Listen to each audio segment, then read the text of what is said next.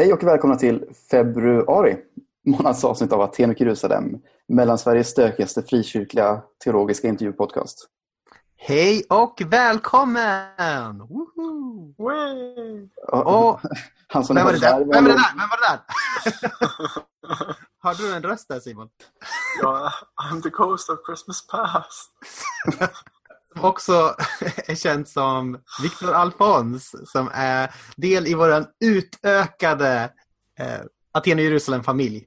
Ja, Tillsammans med eh, Emanuel Strand och typ Maja Ekström och Johan Bruneskog skulle jag säga. Det är i den lilla familjen. vilken ära. Ja.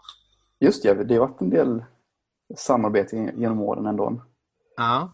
Alltså, lång historia kort så har ju Viktor här, han har ju varit så generös att han har via vår Patreon-sida eh, eh, ja, mer eller mindre köpt sig en plats i vår redaktion. Eller då, eh, Ja. finare uttryckt, eh, tagit plats i den utökade Aten och Jerusalem-familjen. Eh, Välkommen. Vill du säga något kort om dig själv förresten? Ja, vem är du? Ja, eh, just nu så bor jag i Örebro och pluggar på eh, ALT, eller Akademi för ledarskap och teologi. Eh, AKA ATH, AKA inte ÖMS längre, men ja. Ehm, så jag läser basåret där, lite utökat dock, men så. Eh, men jag kommer, eller i Sverige så kommer jag ursprungligen från Linköping, så det är så jag känner Anton. Mm. Precis. Just det, just det. Men du, du var aldrig... Eh, Sofia är ju min fru och hon jobbar Ja. ju som ungdomspastor i Ryttargårdskyrkan. Men du var aldrig ungdom under henne eller vad man ska säga, eller? Jag tror Alltså- jag var, jag, jag var där när hon vickade. Ah, just det. Uh, Mm. Så är det. Precis, men inte nu de här senaste åren för då har du varit så stor och liksom... Du har varit... du, har, du har mer varit... Du har mer varit... Vad heter det? Teamare har du varit hos... Eh, i, Teamare och ett tag så var jag bara vanlig ledare också. just det. Vanlig dödlig ledare. Precis. Mm. Eh, fint. EMS fortsätter spotta sig ur poddprofiler. Och det, det, det följer sig som så att det blev ni två som åkte till Göteborg då för några, någon vecka sedan och eh, för att Ja. självaste Lennart Törn eh, Mhm. kanske främst hans eh, relativt nyutkomna Lukas-kommentar. Just det, ordets tillblivelse. Utgiven på Libris förlag. NTB, Nya Testamentets budskap, heter serien. Där har ni det hela i en liten låda. Alltså, noll spons, men alltså det är en, det är en bra serie. Det är en bra serie. Jag gillar den. Jag råkade faktiskt vara på en sån här äh, bibel och frukost. Eller jag råkade inte vara, jag var där och föreläste. Men... och då hörde jag några som satt och så här pratade. Och så sen så läste jag den här boken i vår cellgrupp. Och den är så bra. Den går igenom både liksom kulturen då och så sen så pratar de, pratar de om bibeltexten. Och sen så gör de lite så här eh, liksom hur man kan applicera det nu. Och så sen så kunde jag lista ut att det var Mikael Telbes bok i den serien. Då, Ja. Korsmärkt gemenskap som de eh, pratade om. Så jag tycker det var kul så för att man hör ju aldrig någonsin någon som säger någonting positivt om böcker som man läser i cellgrupper. Så det var kul att höra någon som faktiskt tyckte att det funkade. Faktiskt. Ja, det var väl också kul eh, och väldigt ren beskrivning av vad en bibelkommentar är. Ja, verkligen. Det är ju ett egentligen väldigt smidigt sätt att ta sig, ta sig till just de där sakerna. Som, jag minns visst. själv liksom hur det var för min egen del när jag fick upp ögonen för exegetik på min, Mm. när, min första termin på Mariannelunds folkhögskola. Jag gillar de där bitarna. Hur var, hur, ja, just det. Hur är det för dig nu då? Du, du studerar ju dina första exegetiksteg här på, Ja, på ALT. Hur tycker du att det känns? det är väldigt spännande. Jag tycker framförallt, vad heter är det källkritik eller textkritik? Där man pratar om hur texten blev till. Ja, textkritik. ja. ja. Ja, det tycker jag är väldigt intressant för det har jag liksom inte ens hört om förut. Medan man liksom i vissa, eh, liksom i kommentarerna längst ner så kan det stå något Mm. om hur det var på den tiden. också. Så det är väldigt intressant. Och så är det massor med förkortningar ofta. I de Ja, alltså, gillar du den här, liksom, eh, den här otroliga notapparaten som håller reda på alla de olika handskrifterna och grejerna? Eh, Det, vi har inte gått in så jättemycket på handskrifter. Eh, men jag har ju hört om Q det här. Och, Ja. ja. Eh, Den mystiska Q. Är det, men eh, jag skulle säga att jag är mycket mer systematiker än, än exeget, fast jag tycker exegetik är kul också. Mm. Eh, Och det tror jag märks lite grann på att det är övervikt på systematiker bland de som intervjuas i, i podden. Vad är ni för någonting egentligen? Är du mer en exeget Simon? Eller?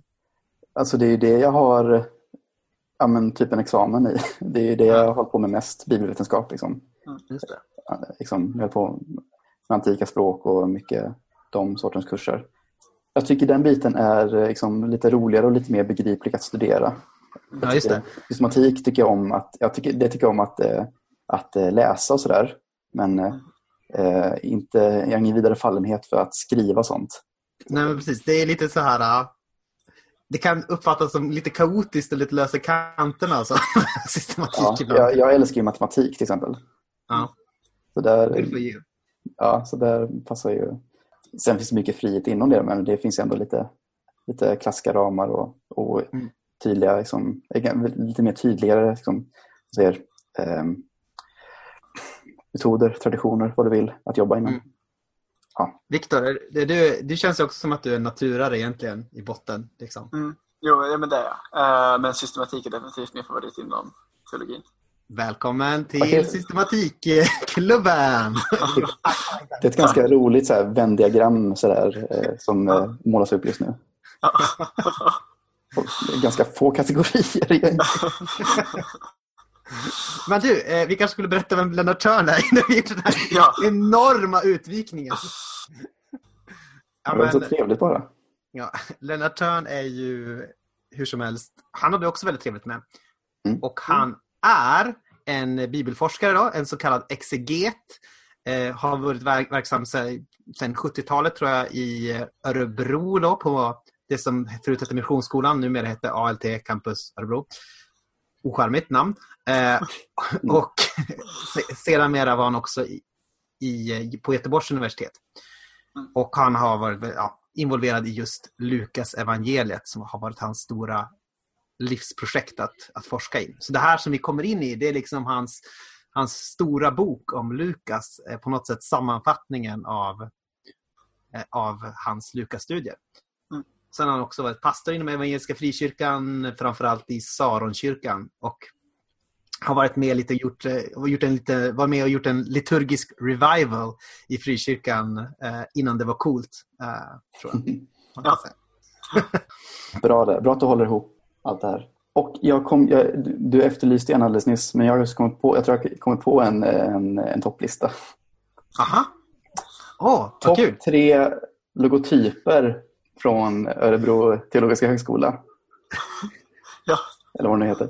Alltså grejen är, jag pluggade ganska många år där så jag har ju gått igenom tre olika logotyper. Mm. Så jag, kan också, jag har också tyngd bakom, bakom min gradering. Så väldigt, väldigt snabbt här nu. Det, är- det är också väldigt dålig podd, ingen kan se de här logotyperna. Men ni får, ta, ni får bara ta mig på orden.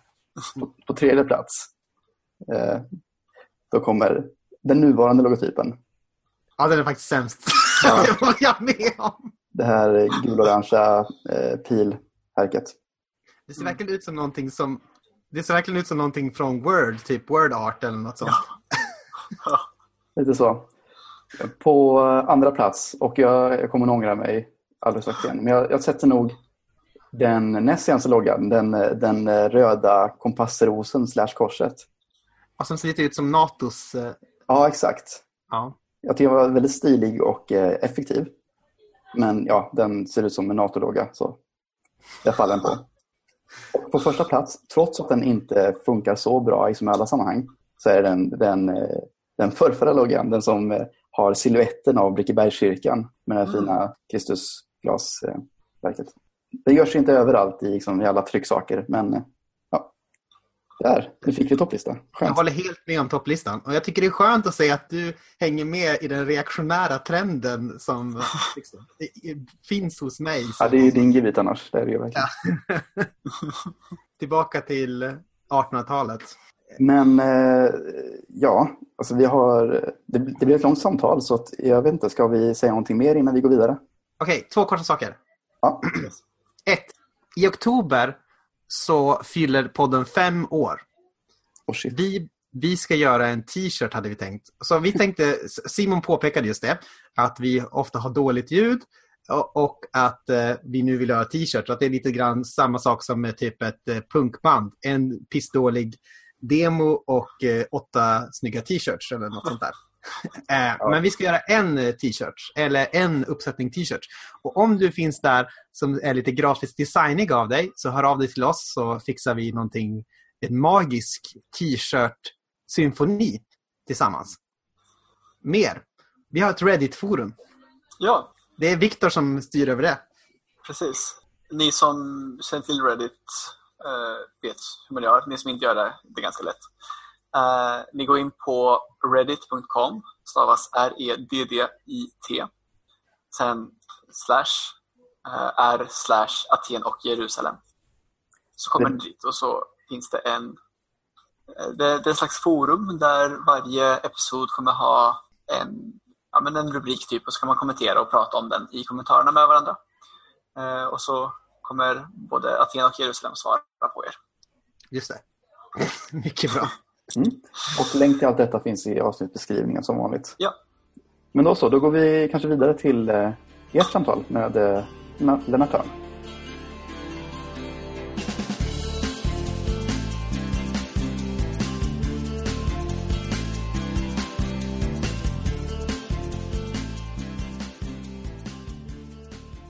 Hej Lennart. Hej. Hej. Vad trevligt att få vara här hemma hos dig. Ja, jätteroligt att ni har kommit. Vi har ju fått möjligheten att prata med dig nu en stund och liksom lärt känna mannen bakom eh, böckerna. Eh, men om du skulle presentera dig själv för våra lyssnare, hur skulle du göra det? Jag är 76 år, gift med Eva. Vi har tre barn och åtta barnbarn. Jag eh, har ägnat mig åt förkunnelse i 55 år. Jag började sommaren 1963 och sen har jag hållit på. Jag utbildade mig först ett år i Örebro och sen eh, utbildade jag mig i Lund och jag har utbildat mig i Schweiz. Och eh, jag hade nog trott att jag... Jag har tidigt kanske jag tänkt att bli missionär men jag, med tiden så trodde jag nog att jag skulle ägna mig åt eh, terapi. För jag var väldigt intresserad av själavård. Så det var nog det jag tänkte på under min studietid i Lund. Men eh, då eh, kom professorn i Nya Testamentet till mig en dag och sa att jag tycker att du ska bli exeget Lennart. Och det där drabbade mig då. Så att jag inriktade mig på det. Det är inte så långt ifrån varandra, exekutik och eh, själavård. För det, båda formerna handlar ju om att tolka texter. Eller tolka berättelser. Bibeltexternas berättelser eller människors berättelser. Ehm, sen är det ju olika saker man eh, fokuserar men det är ändå tolkningen av det man hör eller läser. Eh, och när jag hade börjat eh, ägna mig åt exekutik och skrev min examensuppsats och sådär så hörde Sigfrid Deminge som var rektor då på Örebro Missionsskola AC 1972 och frågade om jag kunde tänka mig bli lärare i Nya Testamentet. Och då var ju Missionsskolan i eh, Nya Testamentet i Örebro då.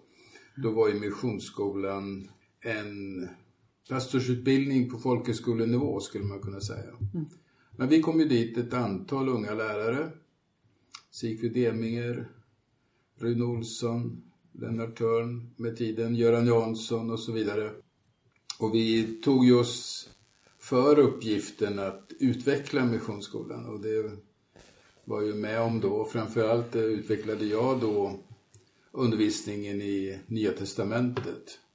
Och jag jobbade från 72 till 90 i Örebro. 90 blev jag kallad till föreståndare i Saronförsamling i Göteborg och var det i tio år. Och sista delen av mitt, min yrkesverksamma verksamhet var ju att jag var lärare i Nya Testamentet på universitetet i Göteborg och det hade jag, där hade jag undervisat i många år innan jag fick en heltidstjänst. Så det är väldigt enkelt. Jag har ägnat mig åt att utlägga Nya Testamentets texter i väldigt hög grad. Eller man skulle kunna skoja och säga att jag har fått betalt för att eh, läsa Bibeln hela mitt liv. Inte så dåligt. Är inte dåligt. Härligt. Men det finns ju också den kopplingen att eh, Sankt Lukas-stiftelsen med terapi och så har du hållit på med Lukas evangeliet också. Så det kanske... Ja, just det. Ja. Ja, jag har gått på Sankt djupare- Lukas utbildning också. Ja, just det. Inte någon komplett utbildning, men jag har gått på utbildning. Vi hade tänkt att vi skulle prata om din eh, Lukas-kommentar som kom ut här om året eh, som heter Ordets tillblivelse.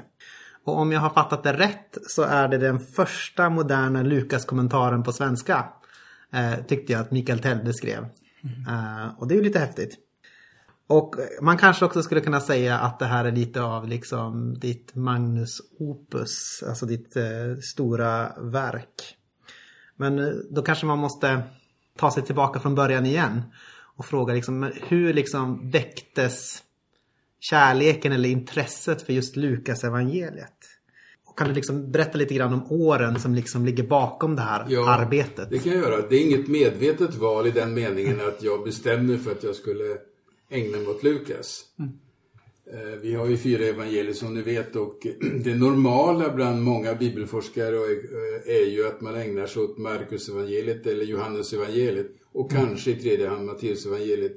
För de betraktas ju som eh, viktiga böcker. Markus för att det är den första evangeliet och Johannes för att det är ett mycket teologiskt evangelium och Matteus ett specifikt eh, evangelium inriktat på förhållandet mellan kyrkan och judendomen. Eh, och Lukas evangeliet har faktiskt i bibelforskningen, särskilt under 1900-talet, varit en skrift som man har klandrat därför man har betraktat Lukas som en historiker som fördärvat Kerygmat. Eh, Alltså, och det där det låter ju konstigt men det är så här att på 1900-talet, i början på 1900-talet och framåt så, så var det viktiga eh, eh, med den nytestamentliga forskningen, det var att man såg att de första kristna hade ett, ett budskap som gick ut på att Guds rike var nära och eh, hade kommit nära genom Jesus Kristus.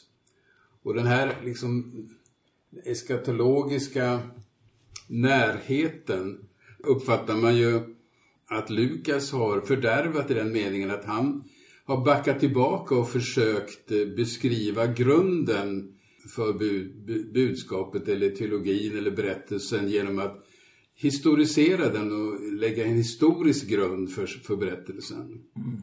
Och eh, det där gillades inte framförallt i Tyskland. Eh, De första kristna hade ett budskap. Lukas la grunden till budskap och därmed så gjorde han, gjorde han berättelsen i första hand till historia och inte till ett tilltal. Det är den stora skillnaden. Just det, lite Bultman. eh, Ja, det är Ja. som spökar hela tiden. Är den existentiella teologin. Men också Karl Barth eh, i den meningen att Karl Barth driver ju en karygmatisk teologi då. Men, eh, så därför så har Lukas varit lite offside. Men med tiden, från 60-talet och framåt, så kom Lukas också att rycka fram och bli mera intressant som evangelium.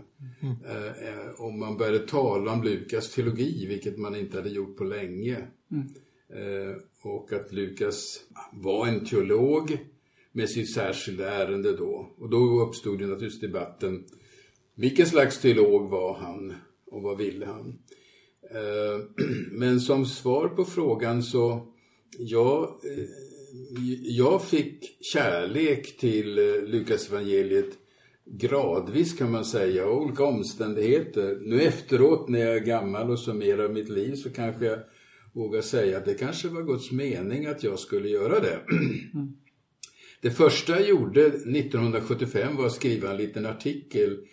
Eh, Det fanns en liten tidskrift som gavs ut en gång om året i Örebromissionen som hette Evangelisten. Och där skrev jag en artikel om Lukas 2, om födelseberättelsen. Och hävdade att eh, tolkningen av födelseberättelsen vanligtvis är helt offside eller fel fel. Jesus föddes varken i ett stall eller en grotta utan han föddes i ett vanligt hus. Och det skriver jag om i min bok också, men jag hävdade det då. Det hade jag av olika skäl tyckt mig upptäcka. Idag är det ganska vanligt ibland Lukas kommentarer att man skriver så, men det var det inte på den tiden. Eh, och sen så drabbades jag av flera Lukas texter, bland annat liknelsen om den rike mannen och Lazarus. Jag skrev en eh, artikel om det och publicerade den i Tro, Tro och liv som var en tidskrift som Svenska Missionsförbundet gav ut. Och då började det liksom verka i mig riktigt ordentligt att jag var intresserad av, av Lukas. Sen har jag ägnat mig åt rejäla studier. Dels eh, Lukas är den som har flest liknelser. Mm. Så jag fångades av liknelsetolkningen överhuvudtaget. Och också då Lukas eh, tolkningar och Lukas liknelser. Jag blev väldigt intresserad av eh, mittdelen av Lukas evangeliet. Man skulle kunna säga att Lukas evangeliet består av tre om man, eh, inte tar, om man glömmer just nu inledningskapitlen i barndomsberättelsen så består Lukas evangeliet av tre delar. Jesus i Galileen, en resa till Jerusalem som andra delen och den tredje delen Jesus i Jerusalem. Och min bok är disponerad på det sättet också. Mm. Men den här resan är så intressant därför att Lukas jämfört med Markus har en mycket längre resa. Mm. Eh, vi är överens om, som sysslar med Lukas evangeliet att Lukas är beroende av Markus. Det kan man se eh, ner på grekplanet och eh, man kan se det att Lukas verkligen har skrivit av eller använt Markus som källa. Det är alldeles klart. Och sen har han haft andra källor också. Men, men när Markus skriver om resan, då är det bara några versar. I kapitel 10, Markus, Markus 10. Eh, medan Lukas han använder tio kapitel. Som där Lukas flera gånger upprepar att Jesus var på väg till Jerusalem. Han börjar resan till Jerusalem kapitel 9 och 51 och sen håller han på och så säger Jesus på väg till Jerusalem. Och det markeras om och om igen i tio kapitel och slutligen kommer han fram till Jerusalem. Mm. Och då, då fångades jag av det. Och då var jag fast, kan man säga. Mm. Och då var det ju tänkt från min sida att jag skulle publicera det som en avhandling. Mm. Ehm, jag har ett material fortfarande här hemma. Men eh, precis när jag hade kommit i alla fall tre kvarts väg eller någonting sånt med min, med min undersökning av, den, av resor, berättelsen, de här tio kapitlerna.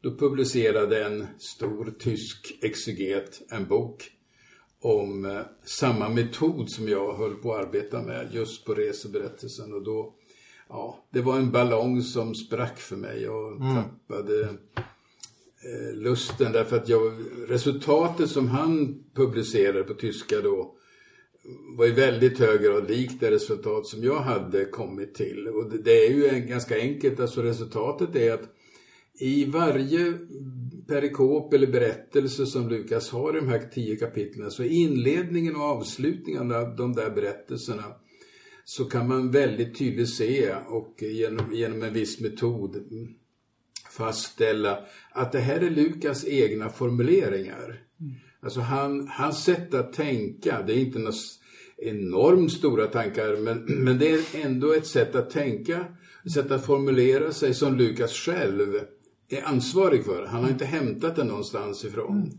Så man kan klart se att Lukas skapar den där berättelsen. Men det handlar egentligen inte om någon resa, för Jesus kommer ingenstans under de där tio kapitlen. eh, man kan inte följa honom geografiskt på något sätt. Mm. Inte från kapitel 18. Mm. Eh, då, då kommer Jesus till Jeriko. Men han har varit på väg från södra delen av Galileen till Jeriko. Det är inte så särskilt långt. Och kapitel efter kapitel, och Jesus geografiskt står still. Mm. Så det där blir ju, reseberättelsen, den är en slags litterär ram mm.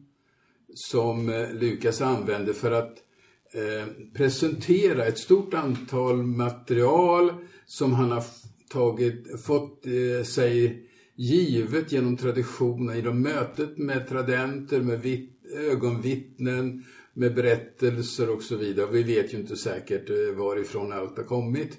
Det kan man inte fastställa. Jag är sysslar med den här frågan nu när jag också skrivit kommentaren. Men det där var mitt eh, var ett stort intresse. Jag höll på med det säkert flera år. Mm. Eh, vid sidan av min undervisning då i Örebro. Mm. Och det var väldigt roligt. Fast luften gick ur då. Så då tappade jag lite suget ett tag. Men det som upphöll mitt intresse kring Lukas, det var ju, det var ju liknelserna då. Och jag sysslade på den tiden, på 90-talet, när jag undervisade här i Göteborg då, så sysslade jag väldigt mycket med den historiska Jesusfrågan. Mm. För det är också intressant att fråga sig, bilden som Lukas har av Jesus och en sak, men vem var den Jesus som fanns där bakom? Bakom mm. Markus och bakom Lukas och, och så. Eh, så det sysslar jag också med ganska länge. Med tiden, någonstans i slutet på 90-talet tror jag, eh, så började, fastnade jag för Lukas förord. Lukas har ju fyra verser som han inledde sin, sitt evangelium med. Och det där förordet är så spännande på det sättet att där deklarerar ju han eh, både vilka källor han har, mm. vilket syfte han har, hur han har gått tillväga i sin förberedelse och så vidare. Och eh, så gjorde man ju i antiken i många genrer, både historiska och biografiska genrer, eh, att skriva ett förord innan man skrev sin stora skrift. Mm. Eh, så Lukas visar ju där att han är en litterärt begåvad, han är en kompetent person och det är nog det också han vill visa, tala om för sin läsare, jag kan det här. Mm. Och så.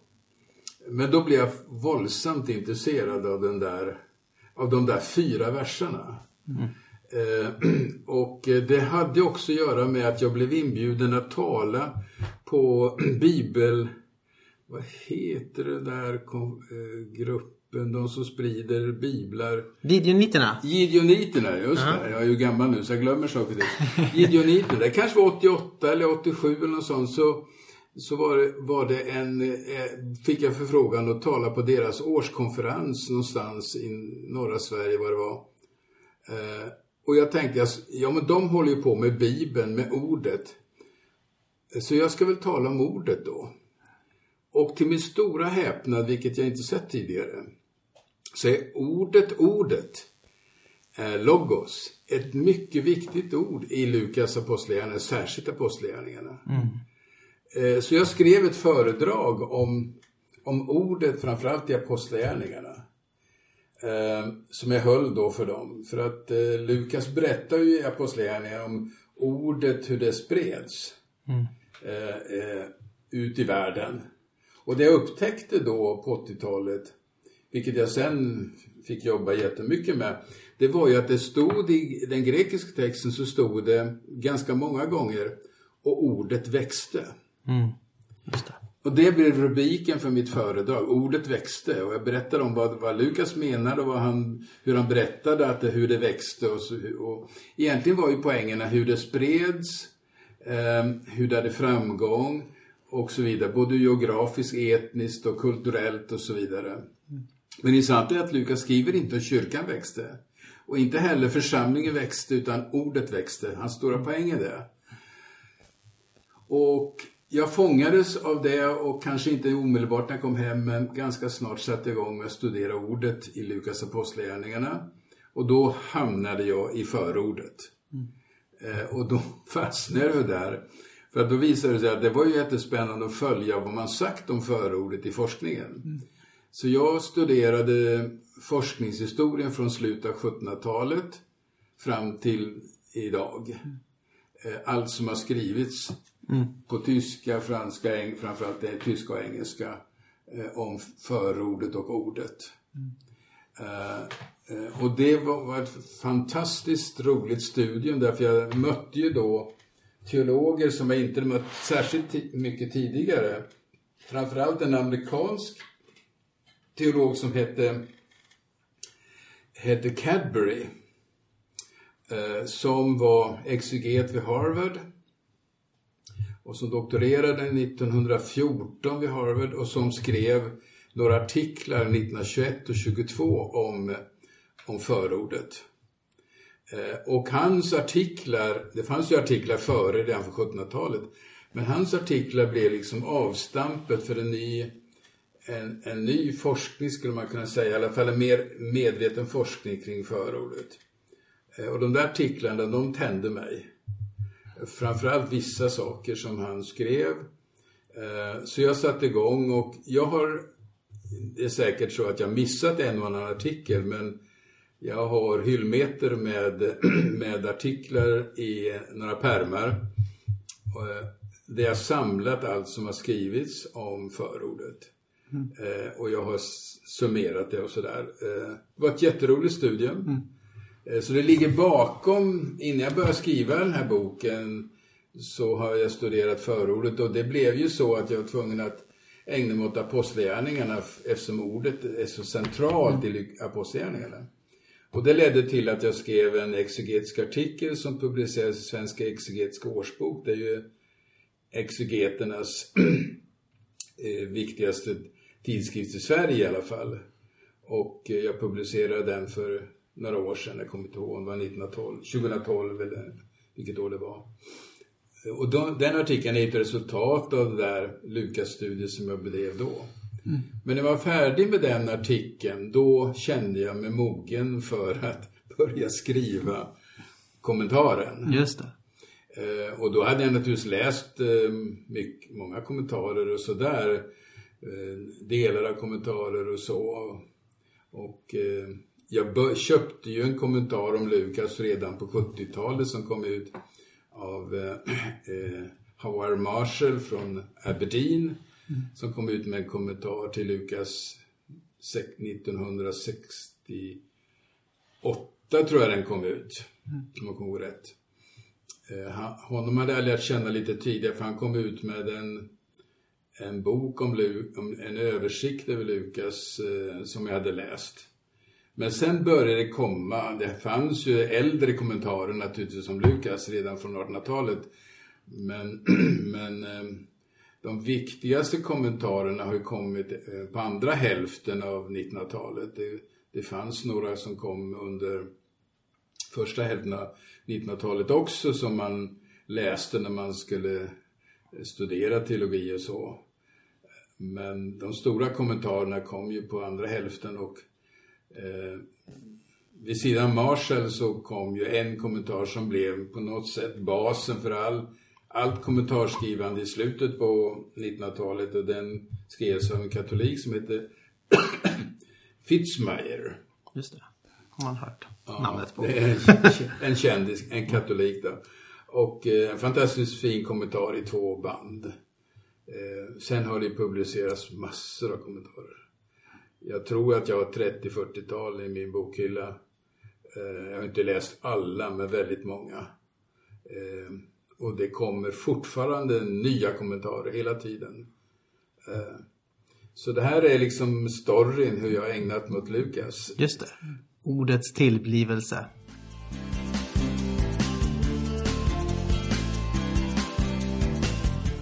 Jo men eh, vi tänkte fråga lite mer specifikt om just mm. himlen och, och domen och helvetet liksom okay. och så. um, och ja men för det första liksom vad vad fanns det för olika synsätt på Jesu tid? Liksom? Eh, man kan ju förstå lite eh, bara genom att läsa evangelierna av saddukeerna och fariséerna och så, och uppståndelsen. Men, men vad, vad tänkte man om, om livet efter detta eller inte och så vidare? Vad fanns det för tankar om platser och, och så på Jesu tid? I och för sig tycker jag det är intressant att ni ställer de frågorna för det har ju inte varit fokus i min bok. Nej, men det, det var en väldigt intressant ja. ingång däremot. Ja, det, det, var, det var ja. många intressanta diskussioner om det. Ja, det ja just det. Jo. Det är ju så att de här nutidsreflektionerna i boken, de, är ju, de är ju inte en tillämpning av den enskilda texten utan de är ju de fungerar ju för mig, i den här kommentaren så fungerar de som en trampolin eller ett avstamp mm. för mig att reflektera kring någonting i texten som som, som är intressant att tänka på. Eh, till exempel i, i, kapitel 12 så finns det här ordet helvete och det mm. finns bara en gång i Lukas evangeliet. Mm. Och då skriver jag om kyrkan och helvetet. Mm.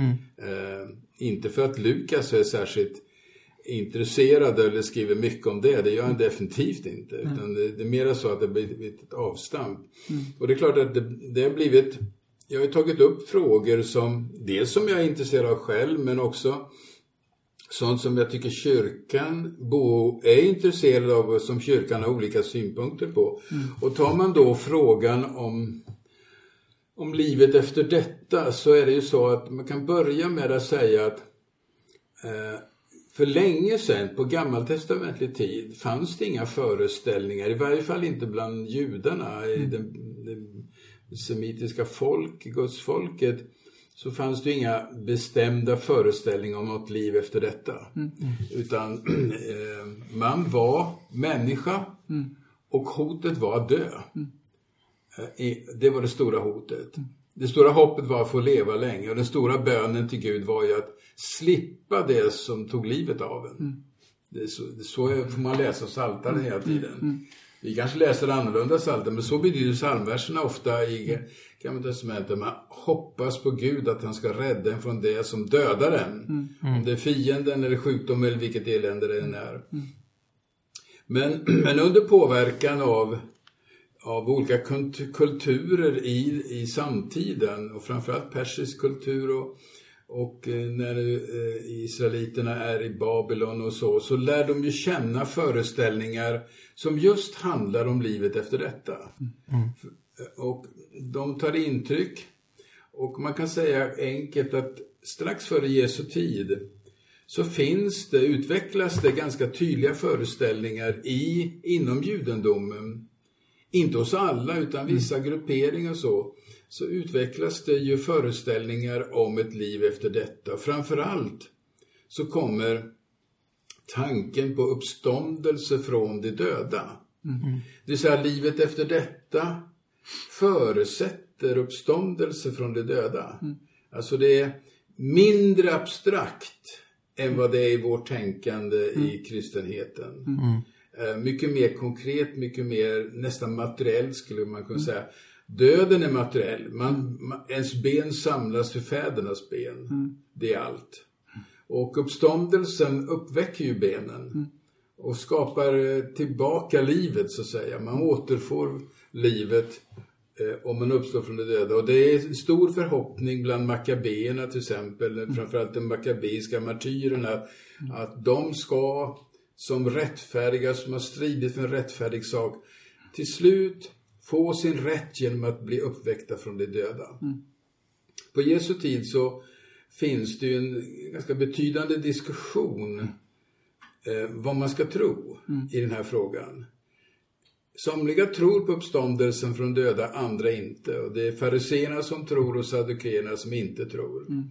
Men man diskuterar också, om nu det kommer att finnas en uppståndelse från döda, vilka ska uppstå? Mm, det. Är det alla människor? Mm. Eller alla israeliter. Framförallt är det både onda och goda, rättfärdiga och orättfärdiga. Mm. Mm. Eh, och eh, jag kan kanske inte uttala mig om vilken, eh, vilken grupp som hade mest inflytande. Men tron på uppståndelsen fanns där i judendom på Jesu tid. Det är mm. helt klart. Mm.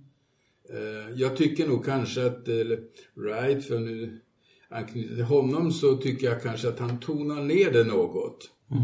Eh, men det fanns i varje fall. Mm.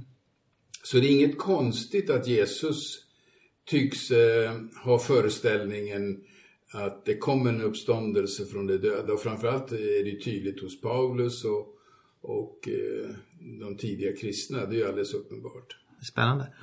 Eh, en sak som jag tycker att jag la märke till när jag läste både din kommentar och Lukas evangeliet sig självt är ju att när man, pratar, när man pratar liksom om, om domen eller eh, det här ingripandet från Gud eh, när tiden tar slut eller fullbordas. Eh, det är inte så jättemycket prat om det i början av, av Lukas evangeliet.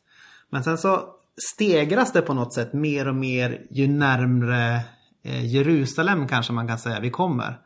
Eh, och så till slut så där, i Jerusalem så är det bara massor med, med tal om, om domen och om, om eh, eskatologi då. Har du reflekterat lite grann om varför det är så? Varför finns det en sån stegring liksom? Ja, eh, och svaret är ju det att det är egentligen inte så att Lukas ägnar sin tanke i första hand åt livet efter detta. Att, Och att eh, den slutliga, eh, slutliga domsdagen, att det är det som han driver sin berättelse fram emot. Det finns ju där. Det är ingen tvekan. Säkert kapitel 21 och kapitel 17 och så. Men, men det som han är intresserad av i sin berättelse, det är att visa hur Jesus blev mottagen och inte mottagen och hur det mo- icke mottagandet av Jesus leder fram till Jerusalems undergång. Eh, alltså domen är väldigt, eh, väldigt politisk, skulle man kunna säga, eller vä- väldigt nära. Det är inte den slutliga domen, utan snarare domen som Jerusalem och framförallt Jerusalems tempel genomgick. Eh, eh, och eh, det är ju en sån fantastisk scen i Lukas 19 när Jesus har gjort den här långa resan eh, och förkunnat i liknelser och genom botander och på annat sätt förkunnat sitt budskap så kommer Jesus fram till Jerusalem. Han rider in i Jerusalem. Och när han går in mot Jerusalem och ser staden, och då är han alltså på de sista kullarna, och ser staden så börjar han gråta. Ja, precis. Det, det fin- någon sån berättelse finns ju inte i något av de andra evangelierna. Men i Lukas evangeliet så börjar Lu- eh, Jesus gråta. Och Jesus säger några ord enligt Lukas som är så rörande. Eh, när, han, när han börjar gråta så står det så här. Oh, om du denna dag hade förstått, också du, vad som ger dig fred. Men nu är det fördolt för dig. Det ska komma en tid då du får se dina fiender bygga vallar runt dig och omringa dig och ansätta dig från alla håll. De ska slå dig och ditt folk till marken och de ska inte lämna sten på sten eftersom du inte förstod att tiden var inne för Guds besök. Och Jesus framställs i Lukas som profeten genom vilken Gud besöker Israel med sitt budskap för att förbereda sig för Guds rike. Och Jesus misslyckas ju i en mening. Han är, han är ledsen när han kommer till Jerusalem. Och det där manifesteras ju sen i att han både kritiserar templet och berättar den allvarliga liknelsen om vingården som överlämnas till andra och så vidare. Och sen kommer hela storyn om Jesu eget slut. Eh, Så domen i väldigt hög grad handlar om Jerusalems och templets dom. Och det är en viktig, viktig aspekt som man får komma ihåg. För Lukas brottas med en, en, en stor fråga i sina två berättelser. Och det är varför skildes judendom och kristendom åt? Just det. Och det slutar ju med på sätt och vis judendomen och kristendomens skilsmässa i Apostlagärningarna 28. Eh, Och det är en av de stora anledningarna till Lukas evangeliet. Eh, Ska man ta några anledningar så är det så att Jesus har inte kommit tillbaka. Jerusalem har gått under, Ju- Jesus har inte kommit tillbaka. Och eh, judendom och kristendom håller på att skiljas åt. Och evangeliet måste gå vidare till andra folk. Så att det är en slags smärta bakom Lukas evangeliets tillblivelse. En smärta som har lett till tvivel hos läsarna. Eh, är vi Guds folk eller inte? Är det rätt eller fel det som har hänt? Och Lukas vill berätta att så här uppstod ordet. Och hur, så här blev ordet till. Och så här spreds ordet. Eh, men smärtan finns där. Men det betyder inte att jag försöker säga att Lukas se, ser ingen, ingen dom eh, på den yttersta dagen eller någonting sånt. Det finns med i hans perspektiv. Man har väldigt nära perspektiv i sin eh, så att säga, evangelieberättelse. Just det.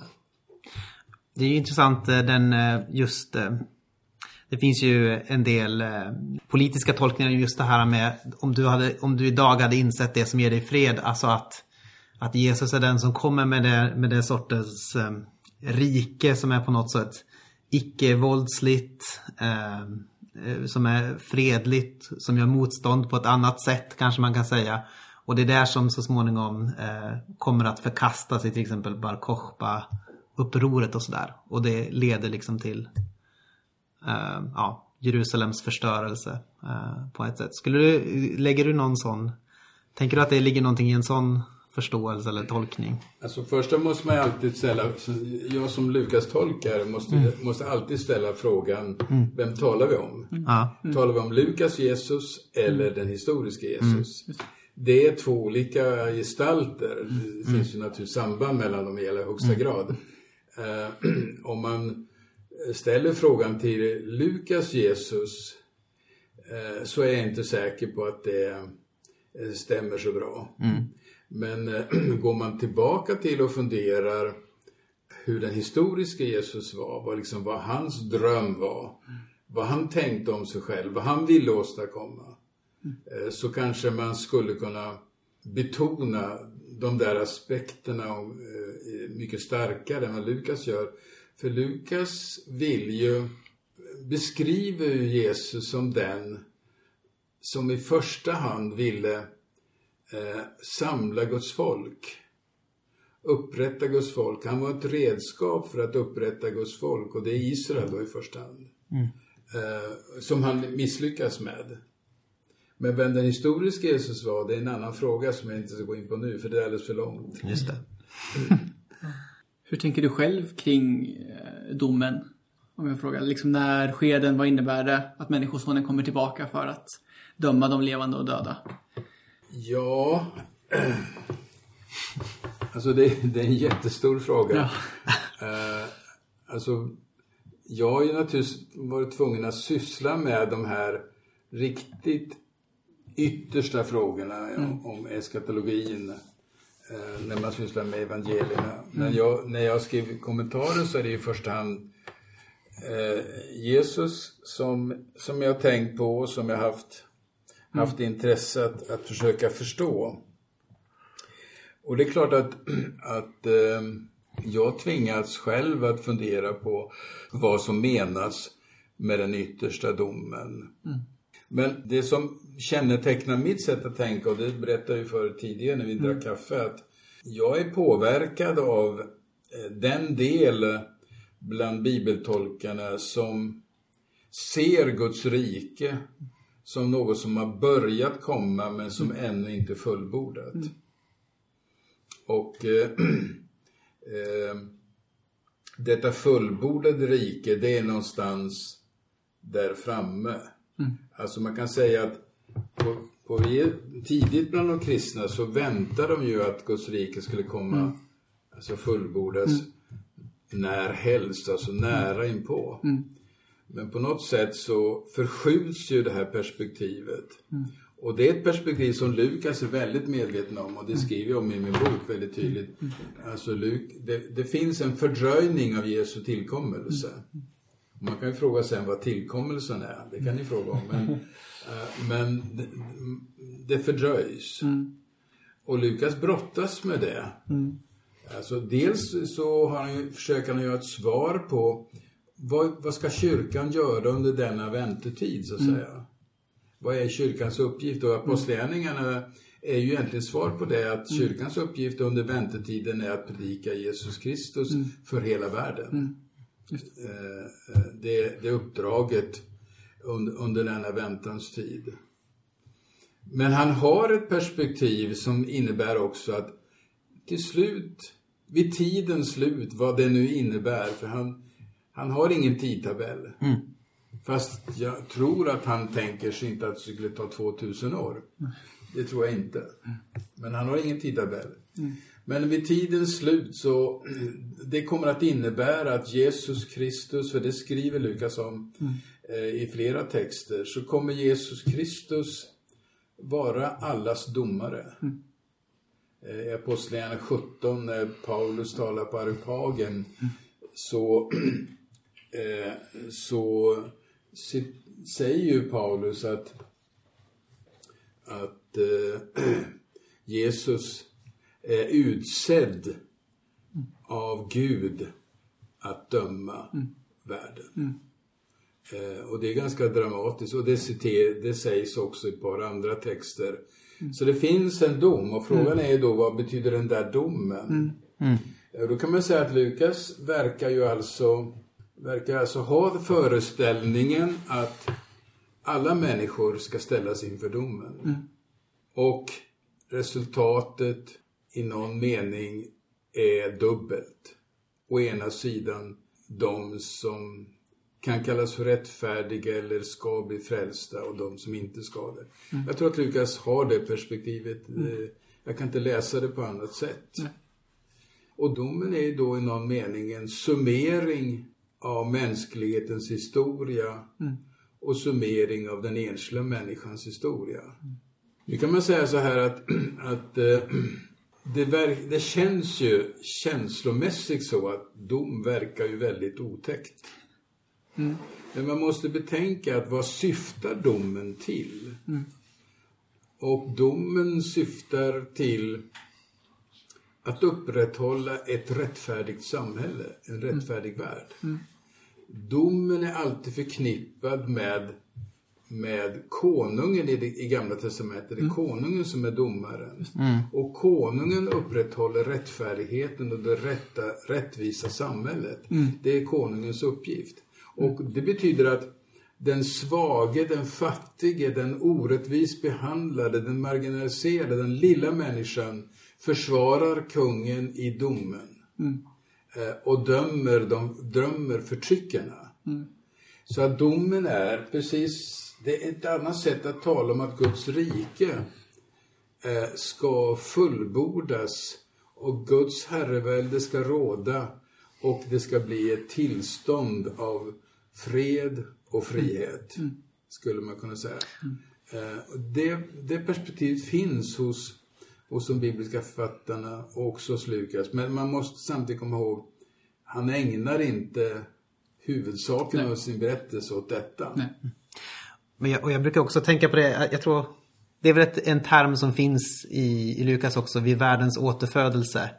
Eh, och så. Och, och jag, brukar, jag brukar tänka på det på domen mer som ett sorts upprättande eller liksom återfödande av, eh, av vad det innebär att vara människa. Och vi tänker snarare ofta dom eh, som en sorts vedergällning för att man har brutit mot en kosmisk princip på något sätt eller något sånt. Och jag vet inte om det jag tänker att det kanske inte är det, det, det som Lukas hade framför sig när han tänkte på domen. Eh, så, så det var ju, det var ju, Nej, alltså domen verkar ju, överhuvudtaget så är sådana här sätt att, att tänka är inte lika skrämmande på den här tiden. Och det har att göra med överhuvudtaget att man är van vid ett samhälle där regenten styr och ställer och har makten. Just det. Och det, det knyter ju an till flera gånger eh, i, i din kommentar också. Där, alltså att, att eh, regenten kan göra lite som den vill verkar det som. alltså i liknelserna och sådär. Ja, Absolut. si- si- Side note. Absolut, om man tar, om man tar liknelsen så verkar det ju så. Eh, Jesus berättar ju utifrån en verklighet och den är politisk. Och Det är en erfarenhetsmässig eh, berättelse. Så är det ju.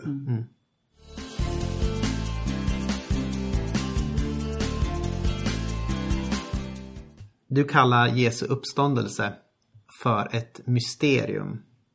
Som den beskrivs då i Lukas.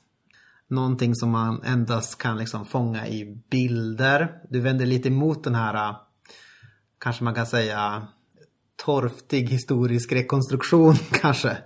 Utan mer att ja, men när, när man pratar om, om, om uppståndelsen så är det någonting som liksom går utöver, går utöver den vanliga erfarenheten som man kan fånga i, i, på historia på ett sätt.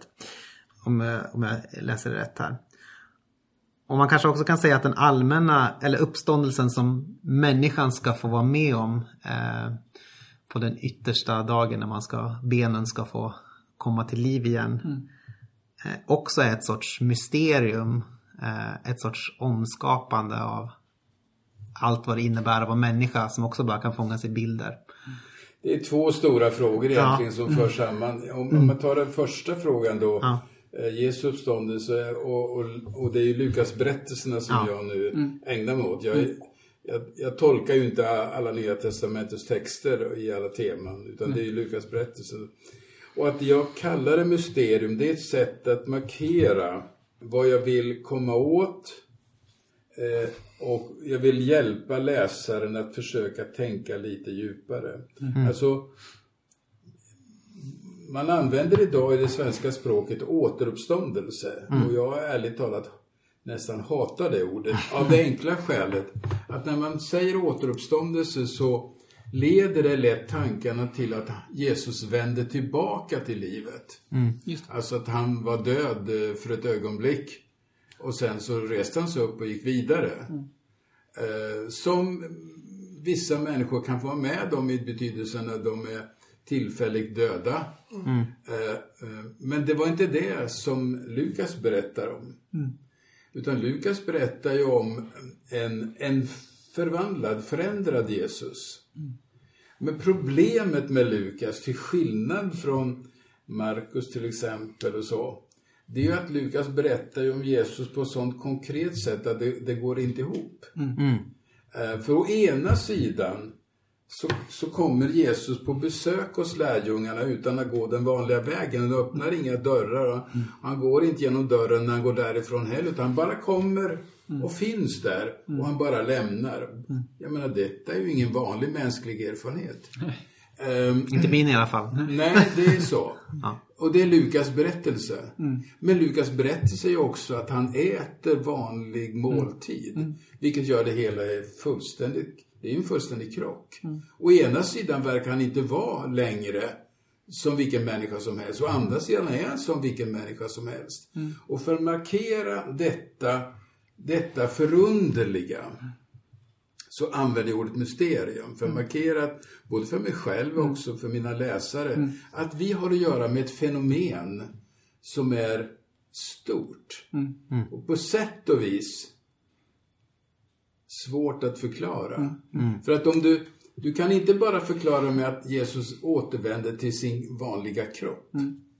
Då har du ett jätteproblem, nämligen Jesus gjorde strax efter och i Lukas evangeliet så är det på, på uppståndelsedagen, men i Apostlagärningarna är det efter 40 dagar. Jesus gjorde himmelsfärd. Och där markerar jag väldigt tydligt i min bok att det måste man tolka symboliskt. Man kan inte tänka sig att Jesus gjorde himmelsfärd i betydelsen att hans kropp satte igång en Sputnikfärd upp i kosmos. Eh, och i så fall var det Gud. Är han på planeten Pluto eller vilken, är han något annat? eh, Mormonerna säger att han bor på planeten Kolob. Ja, okej. Det spelar ingen roll vad de säger. Eh, Och, jag brukar skoja med att säga så här att om Jesus, om vi tänker att Gud är bortom universum, vilket vi vet nu är väldigt stort. Om Jesus fysiskt förflyttas i rummet, så det snabbaste man kan förflytta sig i rummet är ljusets hastighet. Och då kan man vara säker på att Jesus bara kom en liten bit i universum, även när han hållit på i 2000 år. Och det är långt kvar till Gud i så fall, om det är bortom universum. Och ska han sen tillbaka så är det fullständigt hopplöst, tänker jag. Det måste ju vara fantastiskt länge. Där har man ju en förklaring på parusifördröjningen då, om det skulle vara så. Ja, okej. Alltså jag tror inte på det. Nej, precis. Jag på håller det med. sättet. Men jag försöker säga då att, att uppståndelsen eh, måste ha inneburit, som Lukas framställer det, så måste det inneburit eh, en förändrad kropp. Eller, vilket skulle vara väldigt eh, besvärande för oss kristna, han har inte upp, hans kropp har inte uppstått, men den är borta på något sätt. Eh, det skulle man kunna tänka sig att en, en kritisk teolog eller tänkare säger att den blev stulen, för det är en vanlig teori också, att hans kropp är stulen. Men Lukas berättar om Jesus som förvandlad. Och som förvandlad gjorde himmelsfärd. Och himmelsfärden är inte en resa i universum, utan det är en upphöjelse till Guds tron. Det, är en, det är en symbolisk händelse helt enkelt. Och för att markera allt detta, att det här handlar om en djupare hemlighet. Jesus träder in i en ny verklighet. Jag är inte främmande för, det till och med säga i en formulering, jag är inte främmande för att tänka mig att denna nya ver- verklighet omsluter både himmel och jord så att säga, och omsluter alla verkligheter, där Jesus kan så att säga transcendera mellan de olika verkligheterna. Det, det skulle kunna vara ett sätt att ett att- sätt att säga det, men man kan fysikaliskt inte enkelt visa det. Det är fortfarande en gåta. Och därför så använder jag ordet mysterium. Ordet mysterium för mig är inte att markera att jag inte tror på uppståndelse. Det är, det är bara dumheter. Det är kärnan i min kristna tro. Eh, Men jag vill inte tänka mig att uppståndelsen är ett återuppväckande till det här livet. Och Jesu uppståndelse är så att säga ett föregripande av alla människors uppståndelse, det vill säga en övergång från en existensform till en annan. På så vis hänger de ihop. Precis, det, jag, det var det jag tänkte lite grann. Att det här är ju en sorts bild som vi kan, utifrån Jesu uppståndelse kan vi förstå någonting av vad uppståndelse kan innebära för oss också. Och det tänker jag väl är ganska nytestamentlig Ja, eh, absolut. 101. Eh, alltså, att på något sätt så är det som att vår mänsklighet tas upp i Guds evighet. Det blir någonting annat av det fast samtidigt eh, samma sak. Eller? Vilka Ja. fina tankar du har. Nej men det är, det är, bara, det är taget härifrån. ja, precis. Det är väldigt eh, spännande helt enkelt. Att tänka.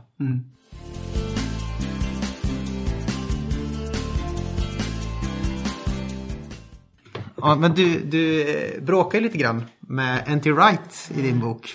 Eh, vid, vid några tillfällen. Det är ju lite kul att du gör det. För han är ju så oerhört eh, populär. Eh, så. Och vid ett tillfälle skriver du om, eh, om, eh, om eh, N.T. Wrights uppfattning om, om uppståndelse och om eh, livet efter detta. Och att han är lite raljant mot de, eh, vad ska vi säga, vanliga kristnas uppfattning om att eh, vi dör och våran själ kommer till himlen så. Att han raljerar lite grann över det. Och att det är inte riktigt eh, det som eh, Nya Testamentet lär ut. Men du, eh, du tycker att han, eh, du, du eh, stångar emot lite grann där tänker jag. Eh, vad är himlen för någonting och varför är inte det bara en sån här verklighetsflykt från eh, våran tillvaro här på jorden? Ja, ja, det är roligt att få, få ta upp, att ni tar upp den frågan. Alltså, jag har ju väldigt medvetet gjort en markör. Jag har ju nästan inte nämnt någon annan teolog i boken utöver Ma- Wright. Jag har nämnt Samuel Byrskog i inledningen eftersom jag följer honom eh, traditionshistoriskt. Men, men Wright har jag tagit upp mina, mina nutidsreflektioner ett par gånger. Någon gång nämner jag inte honom, men det är honom jag, eh, säga, bråkar med. Men någon gång har jag också nämnt honom. Och det, jag skulle ju kunna börja med att säga att för mig är Wright inte den slutlige profeten. Oj, Eh, eh, det är verkligen inte så. Eh, Och för mig så är det ju så att jag- när jag hör en person eller lyssnar till en person eller läser en person så vill jag hela tiden nästan alltid ha reda på personens kontext eller sammanhang. Eh, Så det, det har jag naturligtvis tagit reda på i fråga om Wright också. Alltså jag har läst hans böcker. Det är, ju- det är inte bara de här böckerna på svenska som man kan läsa utan man kan läsa de stora böckerna som han har skrivit om historiska Jesus och, och så vidare. Om uppståndelsen är ju en riktigt tjock lunta och, och så. Eh, Så jag har läst honom. Men i de här folkliga böckerna som är utgivna på svenska så är det ju alldeles uppenbart att han är nästan raljant mot enskilda människor och deras tro. Det är han är nästan aggressiv ibland, tycker jag. Eh, och, och kritiserar den vanliga människans tro på att komma till himlen. Att det liksom är målet för det kristna livet. Eh, och ärligt talat blev jag ju så trött på, på det där förhållningssättet hos eh, Wright som jag märker inte bara i den boken eh, som heter Ännu bättre utan även i hans bok om korset så är det likadant där fast då är det andra saker han kritiserar men det kommer tillbaka det här med dagen och revolutionen Ja, började just? Ja, visst. Det kommer tillbaka det här med att folk tror på att de ska komma till himlen. I själva verket så, så har ju Wright inte slopat himlen. Eh, och i, egentligen i slutändan så är vårt sätt att se på himlen inte så särskilt olika när det kommer till kritan. Men Wright har ju en poäng i den meningen att han vill göra det här det här med himlen i så fall som något mycket större än att själen kommer dit och får ro, så att säga. Och det kan ju ge honom rätt i. Eh, Men jag tycker inte om att han raljerar med den, den lilla människans enkla tro. Så jag bestämde för att jag ställer mig på den lilla människans enkla tro och står för den. Eh, Och eh, det här har ju lite grann att göra med att Wright, vilket jag inte är säker på så många i Sverige har en aning om, men Wright står i en speciell tolkningstradition som jag ska berätta nu, Ja. l- bara lite grann. Eh, som jag har i alla fall kommit fram till. Wrights lärofader hette Cadd, George Bradford han. Det var hans, och det var en stor engelsk eh, kyrkoman, exeget och bibelforskare och hade ganska stor betydelse och det är ganska många nutida exegeter som studerat för honom. Eh, och denne Cadd Eh, han skrev faktiskt en liten bok om Lukas, men det är inte han berömd för. Han är berömd för flera andra saker. Men denne Cadd, han studerade i sin tur och hade som lärofader Charles Dodd. Mm, just det. Den store engelske liknelsetolkaren bland annat. Och eh, något förenklat så skulle man kunna säga att den här Dodd, han eh, hade en presentisk eskatologi. Han såg på Gudsriket i första hand som något som hade kommit i och med Jesus Kristus. Och man kan säga lite förenklat att, att eh, Dodd kommer att ha problem med den futurala frågan. Alltså fanns det något mer än att Guds rike har kommit? Eh, Och i bibelforskningen så är det ju tre, tre så att säga, alternativ. Eh, Det ena alternativet är att Jesus hade ett absolut konsekvent futuralt tänkande. Guds rike ska snart komma och jag ska medverka till att det kommer. Albert Schweitzer tänkte så. Dodd reagerar mot Albert Schweitzer och säger att Jesus tänkte att Jesus att Guds rike har, bör, har kommit. Och det tredje alternativet en slags mittenposition som Lärd och många andra står för och som jag är påverkad av. Att Guds rike har börjat att komma men det har ännu inte fullbordats.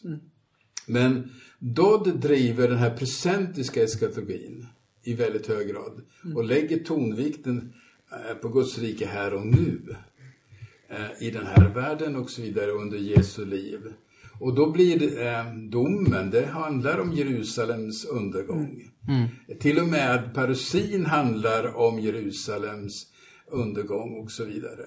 Och det där är, det där är eh, Wright påverkad av denna strömning. Dessutom så är det så att Dodd han är väldigt starkt kritisk i fråga om korset. Att tänka sig att eh, Jesus dog som ett offer eller straff för att blidka en vred Gud. Det, det var en ganska stor strid om detta på jag kommer inte exakt ihåg, det kanske är slutet på 40-talet, eller början på 50-talet i England, där Dodd eh, skrev om detta och fick ganska stort motstånd ifrån framförallt de evangelikala teologerna som hävdade den, den klassiska, som man kallar varje fall den traditionella tolkningen av Jesu död som eh, också skulle kunna beskrivas som ett blidkande av, av Guds vrede. Men det där med korset kanske jag lämnar nu, men det eskatologiska eh, så här, nutidsperspektivet, det presentiska perspektivet, det går igen hos, hos eh, Wright i väldigt hög grad. Nu är det inte så att han har slopat det futurala, för man kan lägga märke till att han tar ju upp de slutliga frågorna också om, om domen, till och med om skärselden och sådana saker diskuterar han ju. Så att eh, Dodd, eh, eh, Wright har gått, på sätt och vis, blivit tydligare i varje fall än vad Dodd var. Jag har inte läst CAD så ingående, jag har tänkt göra det nu i vår, eftersom ni har påverkat mig att ta tag i det. Jag tänkte ta och läsa om det. Jag ska hålla ett föredrag om det framöver. Men, men eh, Wright sätt att tänka kring eh, eskatologin, kring de yttersta tingen, blir väldigt fokuserad på Jesus, på hans tid, på Jerusalem, på templet och så vidare. Och de yttersta frågorna eh, får mindre betoning än, än vad som är traditionellt. Och retoriskt eh, vill Ladd eh, klämma till oss som tänker Eh. annorlunda. Och eh, då gör han det med hjälp av att säga att han kritiserar de som tror på att, att, eh, komma, på, på att komma till himlen. Men jag ger Wright rätt på ett sätt. Det är att jag heller inte tror på själens eh, eh, själens slut hos Gud i himlen. Det tror jag inte är poängen. Wright har rätt när han betonar uppståndelsen. Eh, och, vad som ligger i uppståndelsen som han betonar ganska omfattande. Jag ger honom rätt i det. Och för mig har jag knyter inte överhuvudtaget evigt liv, det kommer ju fram i boken här i, ett, i, ett, en nutidsreflektion. Jag knyter inte eh, det eviga livet till, till själens överlevnad. Eh, för mig inte, är inte själen evig. Eh, och det där är ju en ganska intressant fråga. Alltså, eh, för frågan gäller ju då, vad är det som bevarar människans identitet?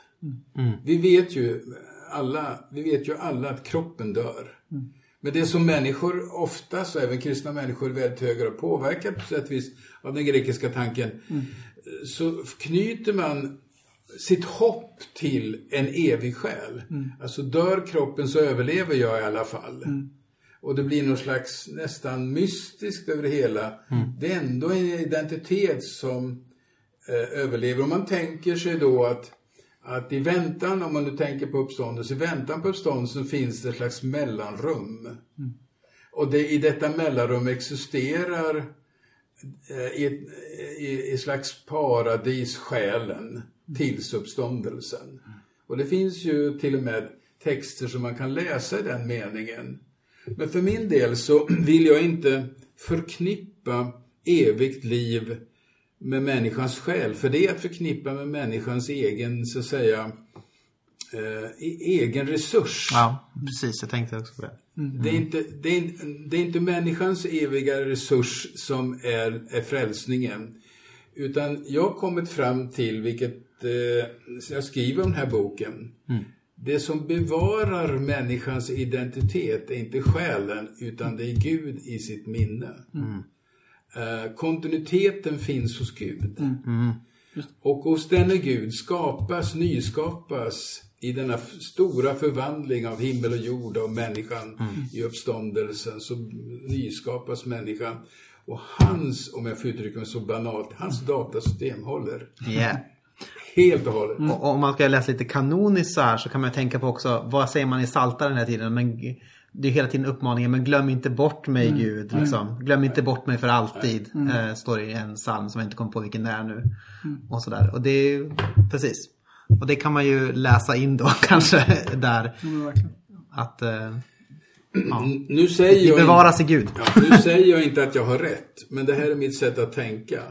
Alltså, och det är inte ett, eh, ett uttryck för att jag tvivlar i första hand, utan det är snarare så att jag förlägger styrkan och tron på evigt liv hos Gud i hans kapacitet snarare än i den kapacitet som vi vet håller på att helt och hållet gå, gå, gå, försvinna.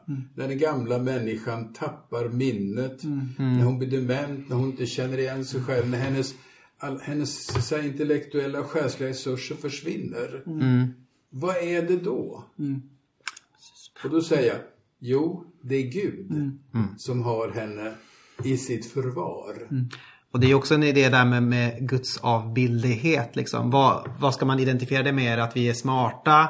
Att vi är liksom... Eh, vilken förmåga är det i människan är det som är Guds avbild? Eller är det bara det att Gud har sagt att eh, ni är min avbild? Och det är liksom det som är hela poängen på något sätt. Eh, Du har ju nämnt att, att helvetet eller Gehenna bara finns med en gång i, i Lukas evangeliet. Ehm, och, men vad liksom vad menar Lukas med det och mer kanske framförallt hur ska vi tänka kring det eh, idag? Eh, liksom, tycker du? Ja. Men först, ja det är som du säger, Lukas nämner ordet helvete en enda gång. Eh, och eh, jag kan ju läsa den versen så, så, så hör man vad, vad som står. Och, då, och det är Jesus som uttalar sig så här. ehm, ehm, jag säger till er som mina vänner, låt er inte skrämmas av den som kan döda kroppen men sedan inte kan göra mer. Jag ska tala om för er vem ni ska frukta. Frukta honom som kan döda kroppen och sen har makt att kasta ner er i det helvetet.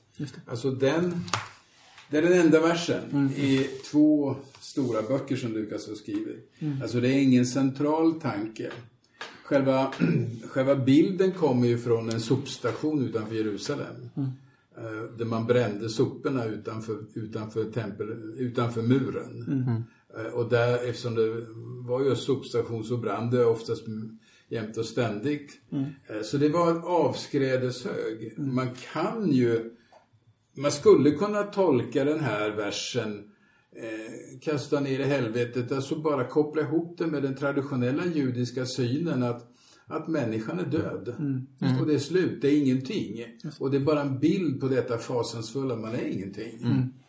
Gud låter dig vara ingenting. Och då kan man säga, från ett uppståndelseperspektiv är det här väldigt hotfullt. Eh, Så bild funkar ju väldigt hot, hotfull. Och då ska man som läsare komma ihåg, vem är adressat till de här orden? Ja, det är lärjungarna. Alltså, kyrkan har gärna använt, ända sedan eh, länge tillbaka, sedan medeltiden, gärna använt helvetet som en hotbild gentemot de, de som inte tror. Eh, här man ju komplicera och säga det är lärjungar och det är judar som är adressater, inga andra. Det är inte hedningar, det är inte de motorn, utan de som så närmast Jesus. Alltså, jag läser i första hand som ett retoriskt grepp. För att markera styrkan i det han säger, hur allvarligt det här, det här är. Vad är det man ska skrämmas för, vara rädd om? Vad är det man ska ta på allvar? Ja, det är det som Jesus vill betona med den här starka bilden. Om man nu tolkar bilden så kan, skulle det kunna tolkas som en bild på, på eh, liv, livets slut. Eh, eh, och därefter finns det ingenting mera. Om man nu sen går vidare från det till så här, kyrkans sätt att hantera de här frågorna om helvete så, så kan man säga det finns ju tre olika sätt i kyrkan att hantera. Det ena är ju den dubbla utgången. Det finns himmel och helvete. Och då har ju kyrkan tolkat det som medvetna erfarenheter helt enkelt. Och de här bilderna om, av eld och så vidare är att markera hur dramatiskt det ena, den ena utgången är. Ett annat sätt att tolka det är ju att eh, helvetet, eh, många inom kyrkan tolkar helvetet mera som, som tillintetgörande. Och det finns olika varianter av det. Man ska komma ihåg att ganska många av de evangelikala teologerna har valt den ståndpunkten. Som John Stott till exempel och flera andra kända. Eh, och det är ju sätt att det blir mindre blir mindre dramatiskt om den grupp som går förlorad, om man får uttrycka sig så, eh, ändå inte existerar.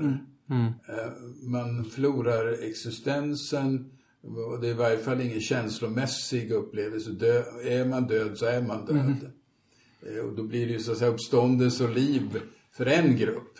Det är ju samma frågeställning som man hade i, på Jesu tid. Är det alla som ska uppstå eller, in, eller inte? Rättfärdigas Eh, sen finns det ju en, en tredje grupp eh, som, eh, där man tolkar eh, eh, uppstånd, eh, tolkar det här med himmel och helvete eh, på det, med hjälp av en universalistisk ståndpunkt. Helt, helt enkelt. Att, att, och den universalistiska ståndpunkten leder till att, att eh, helvetet är i så fall en slags skärseld. Mm. En slags förberedelse efter döden, för slutet. Eh, Men det är inget, inget evigt.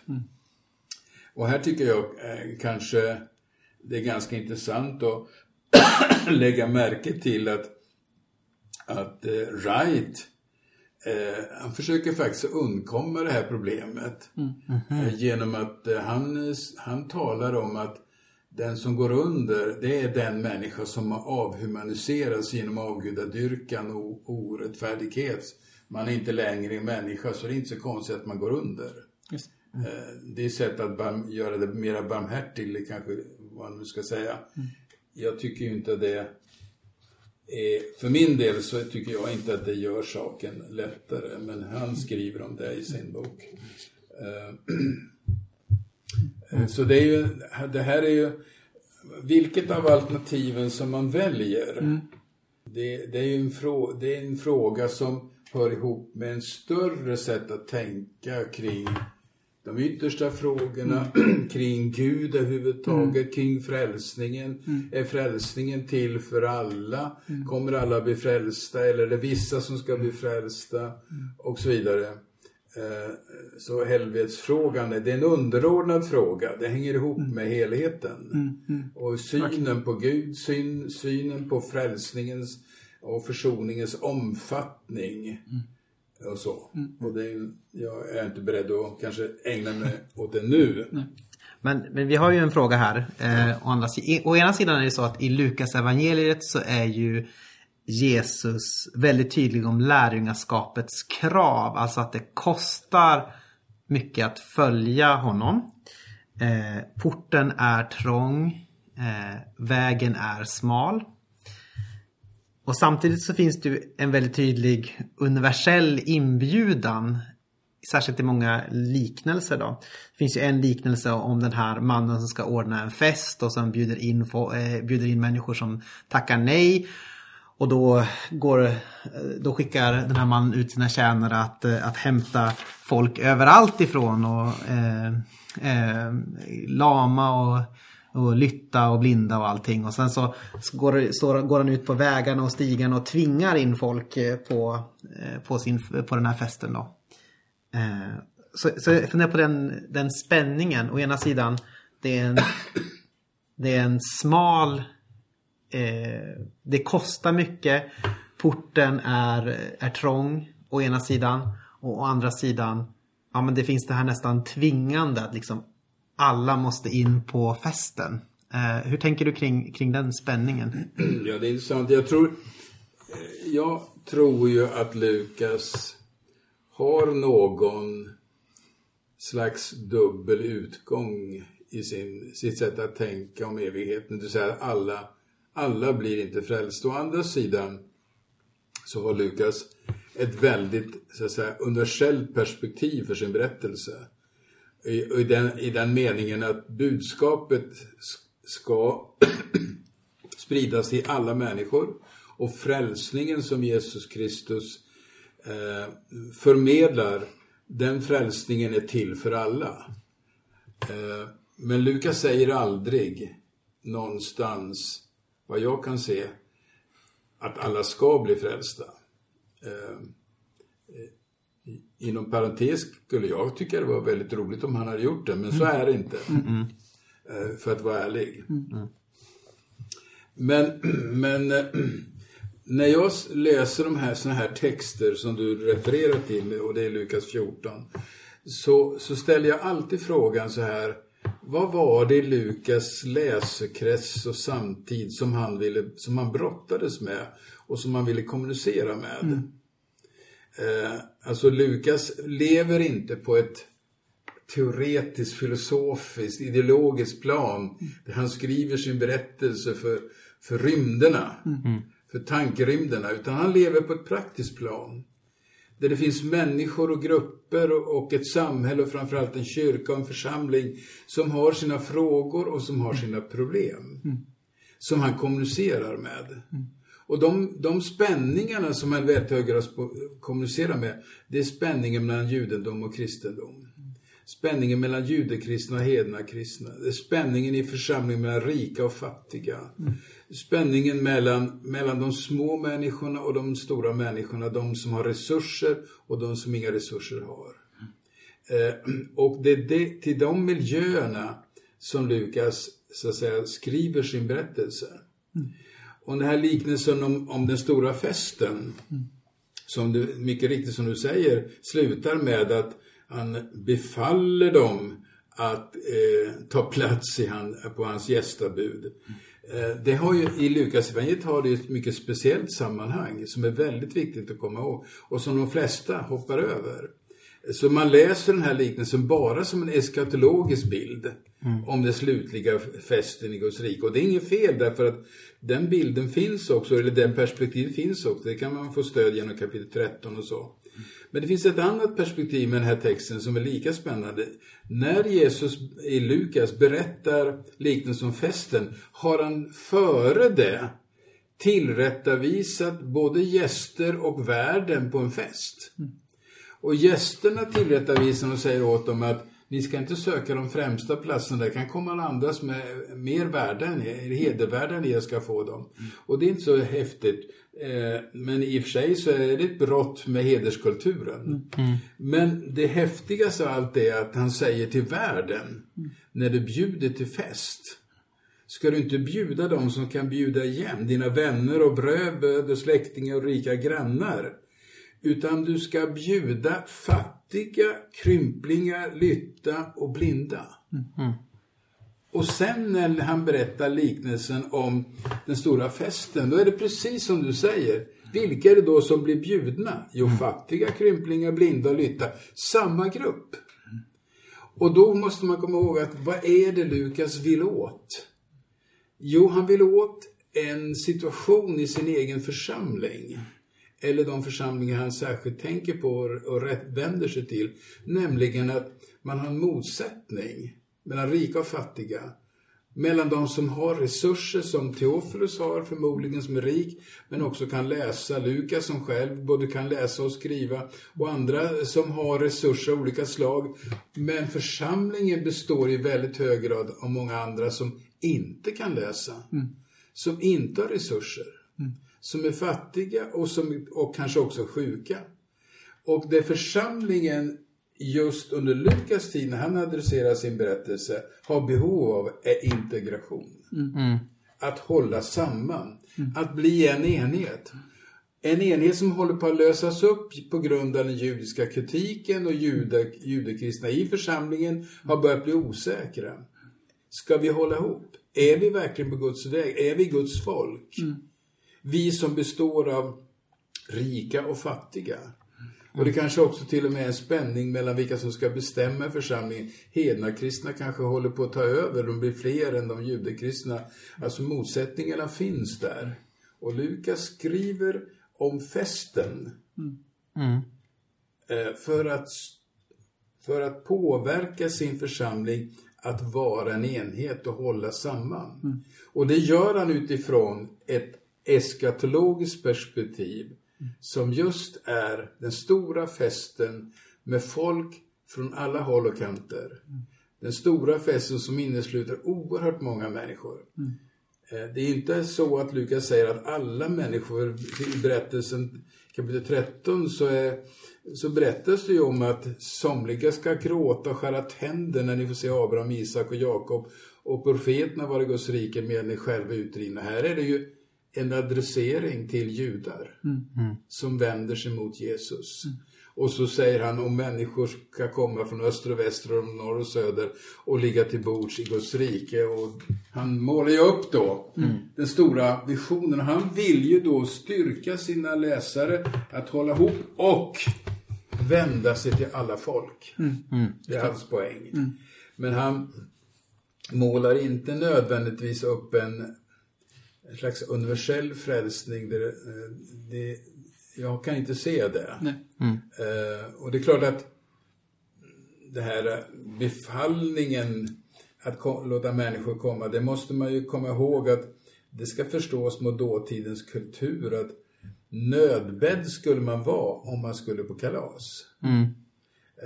Så det behövdes starka ord. Och särskilt en fattige var alltid nödbedd. Mm i, i dåtidens kultur. Så det, är inte, det är inte så dramatiskt som det låter. Mm. Framförallt är det inte en makthavare som tvingar folk, tvingar folk till festen. Mm. Det tror jag inte poängen är i mm. bilden. Men det är klart att det finns en, det finns en värld mm. som vill ha fullt Mm. i sitt hus. Mm. Och den bilden, den är Lukas drabbad av. Mm. Han vill att evangeliet ska nå alla folk. Mm. Om jag får en liten side-note, som, eh, eller en sak som jag kommer att tänka på lite grann nu när vi pratar. I Lukas är ju väldigt mycket, som du också var inne på, mycket tal om eh, ve er som är rika och eh, saliga de som är fattiga. Alltså det finns ju det här eh, också liknelsen tänker jag på, på Lazarus och den rike mannen. Att det finns, det finns det finns det här perspektivet tycker jag om att de, rik, de eh, rika ligger ju pyrt till på något sätt. Och de som är fattiga är på något sätt tillhör Gud i egenskap av att vara fattiga. Inte i egenskap av eh, någonting annat nästan. Eh, är det någonting, tänker, finns det någonting sån, någon sån klangbotten tänker du Lukas? Absolut, absolut. Jag brukar hålla ett föredrag Ja. när jag berättar om min bok som jag kallar för Hjärta för de svaga. Ja. Och eh, Gud framställs särskilt kapitel 1 och 2 som den som har hjärta för de svaga. Att själva kapitel 1 och 2 eh, målar ju upp en fantastisk vision av att Gud ska ställa världen till rätta och framförallt för de svagas skull. Eh, det intressanta sen så, det sker ju inte. Jesus har, delar den visionen sen när han stiger fram i Nasarets synagoga. Visionen för, att, för, för de fattiga, för de svaga och så vidare. Och när Jesus predikar, precis som du säger, Lukas 6 och på andra ställen så, så eh, varnar ju Jesus de rika eh, och han eh, till och med hotar dem, särskilt i kapitel 6, eh, att de har fått ut sin rätt. Och så att det finns inget mer kvar. De har förverkat sin, eh, sina förmåner, om man ska uttrycka det. Medan han eh, ge, öppnar dörren för de fattiga. Nu måste man komma ihåg att den fattige är ju också den som på den tiden i varje fall, framförallt i det judiska samhället, var beroende av Gud. Den fattige var också den ödmjuke. Nu säger jag inte att man ska göra folk fattiga för att göra dem ödmjuka. Det är förödmjukande också att vara fattig. Men, men, men jag vill inte gå dit hän att Lukas eh, Lukas talar om fattigdom som någon slags andlig fråga. Eh, eller tar om andlig fattigdom eller så. Utan Lukas vänder sig mot de rika och de, han vänder sig till de fattiga. Det är Lukas Jesus som gör det. Ehm, och då kan man fråga sig varför betonar Lukas detta så tydligt? Han gör det ju i kapitel 14 som vi var inne på tidigare och andra texter. Ta liknelsen om den rike mannen och Lazarus. Eller ta berättelsen om Sakaios. Alltså det är, det är starka ord mot de rika och starka ord till de, de fattiga och, de, och marginaliserade. Och jag återigen tänker mig att det här handlar också om Lukas läsekrets och hans tid. Där, där Lukas vill med sin bild av Jesus skapa en kyrka som bryr sig om de minsta. För det är i, i linje med hur Gud är. Både den gammaltestamentliga Gud och Gud som han framställs i kapitel 1 och 2. Gud är de svagas, de minstas eh, Gud. Gud har hjärta för de minsta. Jesus hade det, underförstått. Kyrkan borde ha det. Punkt slut. Amen. ja, då får vi avsluta det här kanske. Slå upp en knut. Ehm, det är två frågor som eh, alltid brukar ställas eh, på den här podden. Ehm, och den första är, vem är Jesus?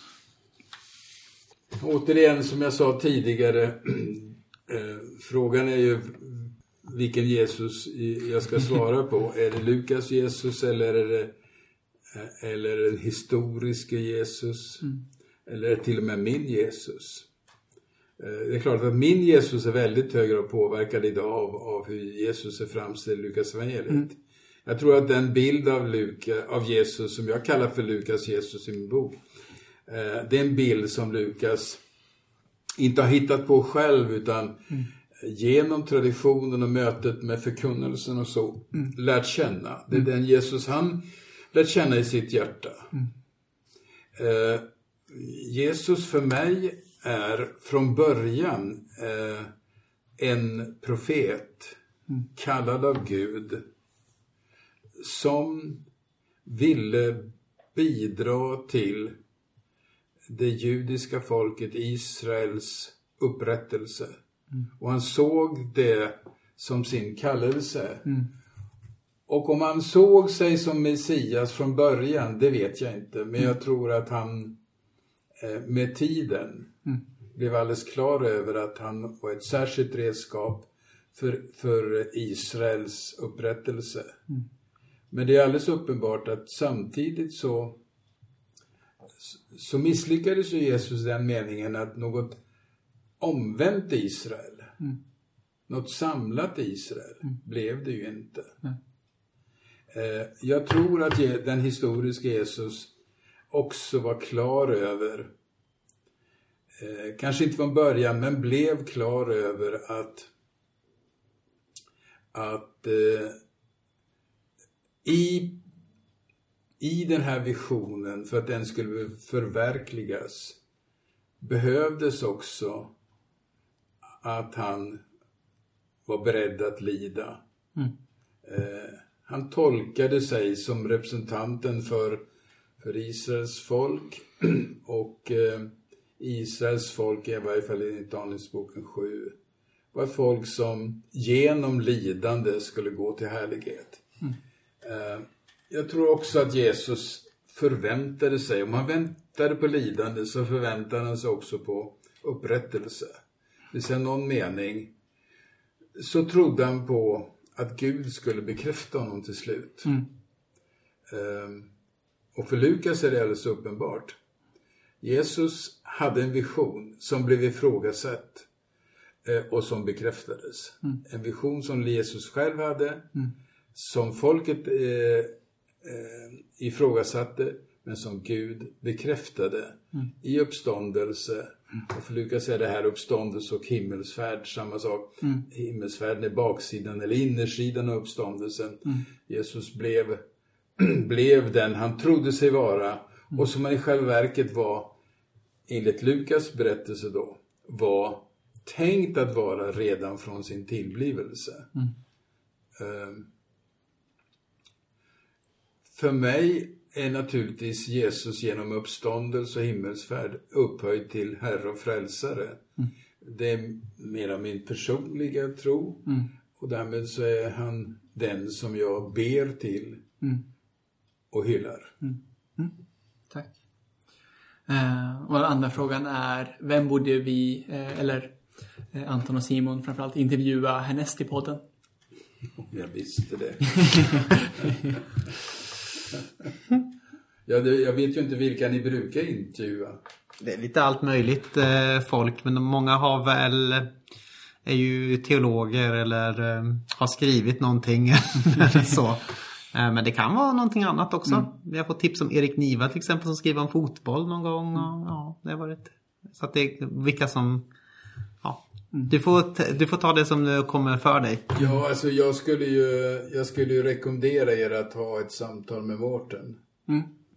Eh, det, jag tycker det är en fascinerande historia, eh, fascinerande liv som, som eh, är väl värd att lyssna till och berättas. Hans bakgrund, han kommer från ett sekulärt familjeförhållande. Hans, hans och blir kristen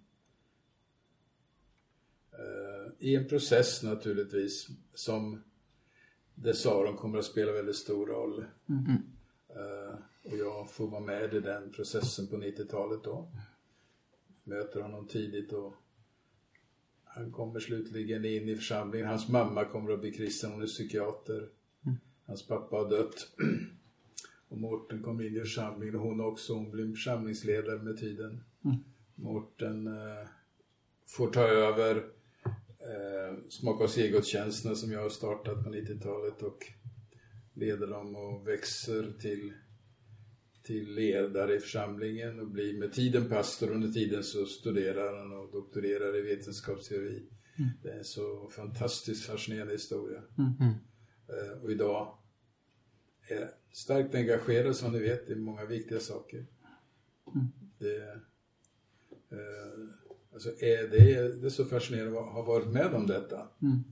Jag minns ju fortfarande när han kommer första gången till Saron. Eh, En förmiddagsgudstjänst. En tonåring strax under 20 tror jag. Idag är mycket duktig predikant. eh, Och eh, han är ju en av redskapen till, till hur många som kommer till Saron.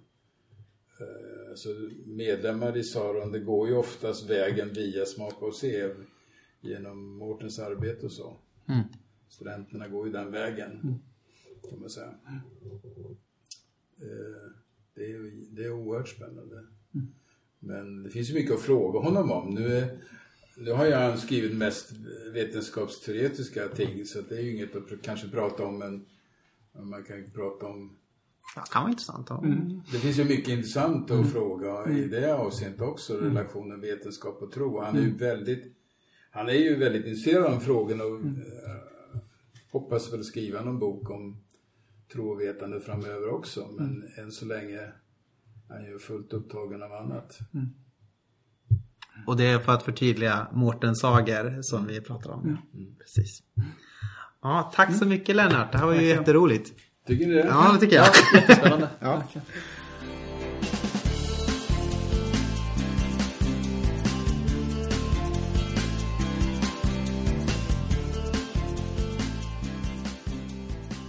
Sådär då, välkommen tillbaks till vårt eftersnack efter Anton och Viktors samtal med Lennart Hörn. Viktor, Ja, hur var det att vara med på din första Aten och Jerusalem-intervju? eh, det var jättekul faktiskt. Lennart är ju en fantastisk människa. Eh, Och så fick man fika också, det var nice. Mm, precis. Hur skulle du betygsätta hans fika? Jag kommer inte riktigt ihåg vad det var. Jag, kom, jag drack te. Bulle, kaffe och så fanns det någon kaka också, men jag tror inte jag åt kakan. Nej, det kan ha varit att det var... Är det jag som minns fel eller var det bulle med sån här... Uh, ni vet sån här vit sås som stelnar. Vad heter, vad heter det för någonting? Pärlsocker? Smält pärlsocker? Alltså Nej. alla, all, precis alla stänger av nu. liksom. Ja, men det var trevligt i alla fall. Vi satt ju hemma i hans lägenhet på Hisingen i Göteborg. Vi Eh, fick se, han eh, skröt lite med att han hade Sveriges största privata Lukas-bibliotek. mm. Så det det var fick coolt. se. Väldigt många... Det, det, är nog inte, det är nog inte så osannolikt. Nej, Nej, Förresten, hur, alltså, hur länge är det han har hållit på med den här kommentaren nu igen? Jag vet inte exakt hur länge han håller på med den här kommentaren. Eh, men eh, han håller på med Lukas väldigt länge i alla fall. mm. Ja, alltså han började, ja, om jag har fattat rätt så började han skriva en kommentar innan första NTB ens kom ut. Mm. ja men det tror jag nästan absolut.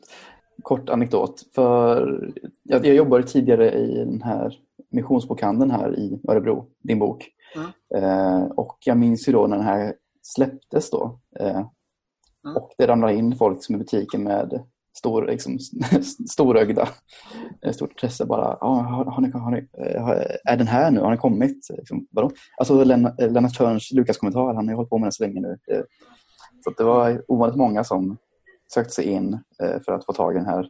Jaha, Vad kul. vad kul att det var en sån hype kring den då.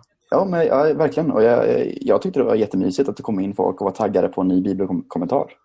Jag, jag har också lite kuriosa på den. Eh, Och det är att, att Lennart Törn hade först tänkt ut den som en tvåbandare. Alltså, nu är den ganska tjock. Säg att den är, säg att den är, den är ju tjockare än alla andra böcker i, i NTB. Ja. Eh, by far. Mm. Alltså inte tillsammans, men då alla enskilda volymer. Ja. Så då hade han tänkt ut kanske två stycken som var ja, men, två stycken rejäla tjocka buntingar liksom, med Lukas. Mm. Mm. Men då var han tvungen att banta ner det på grund av Mikael Telber och tyckte att eh, det inte skulle liksom sticka ut så mycket från de andra kommentarerna på det sättet. Ja. Ja, det. Men det är en, det är en rejäl, rejäl kommentar. det. Mm. Men Eh, uppenbarligen följer inte jag själv för hypen. Jag köpte aldrig den. Gjorde du inte? Nej, jag gjorde inte det. Eh, Det är kanske lite dyrare än de andra NTB-arna också. Så.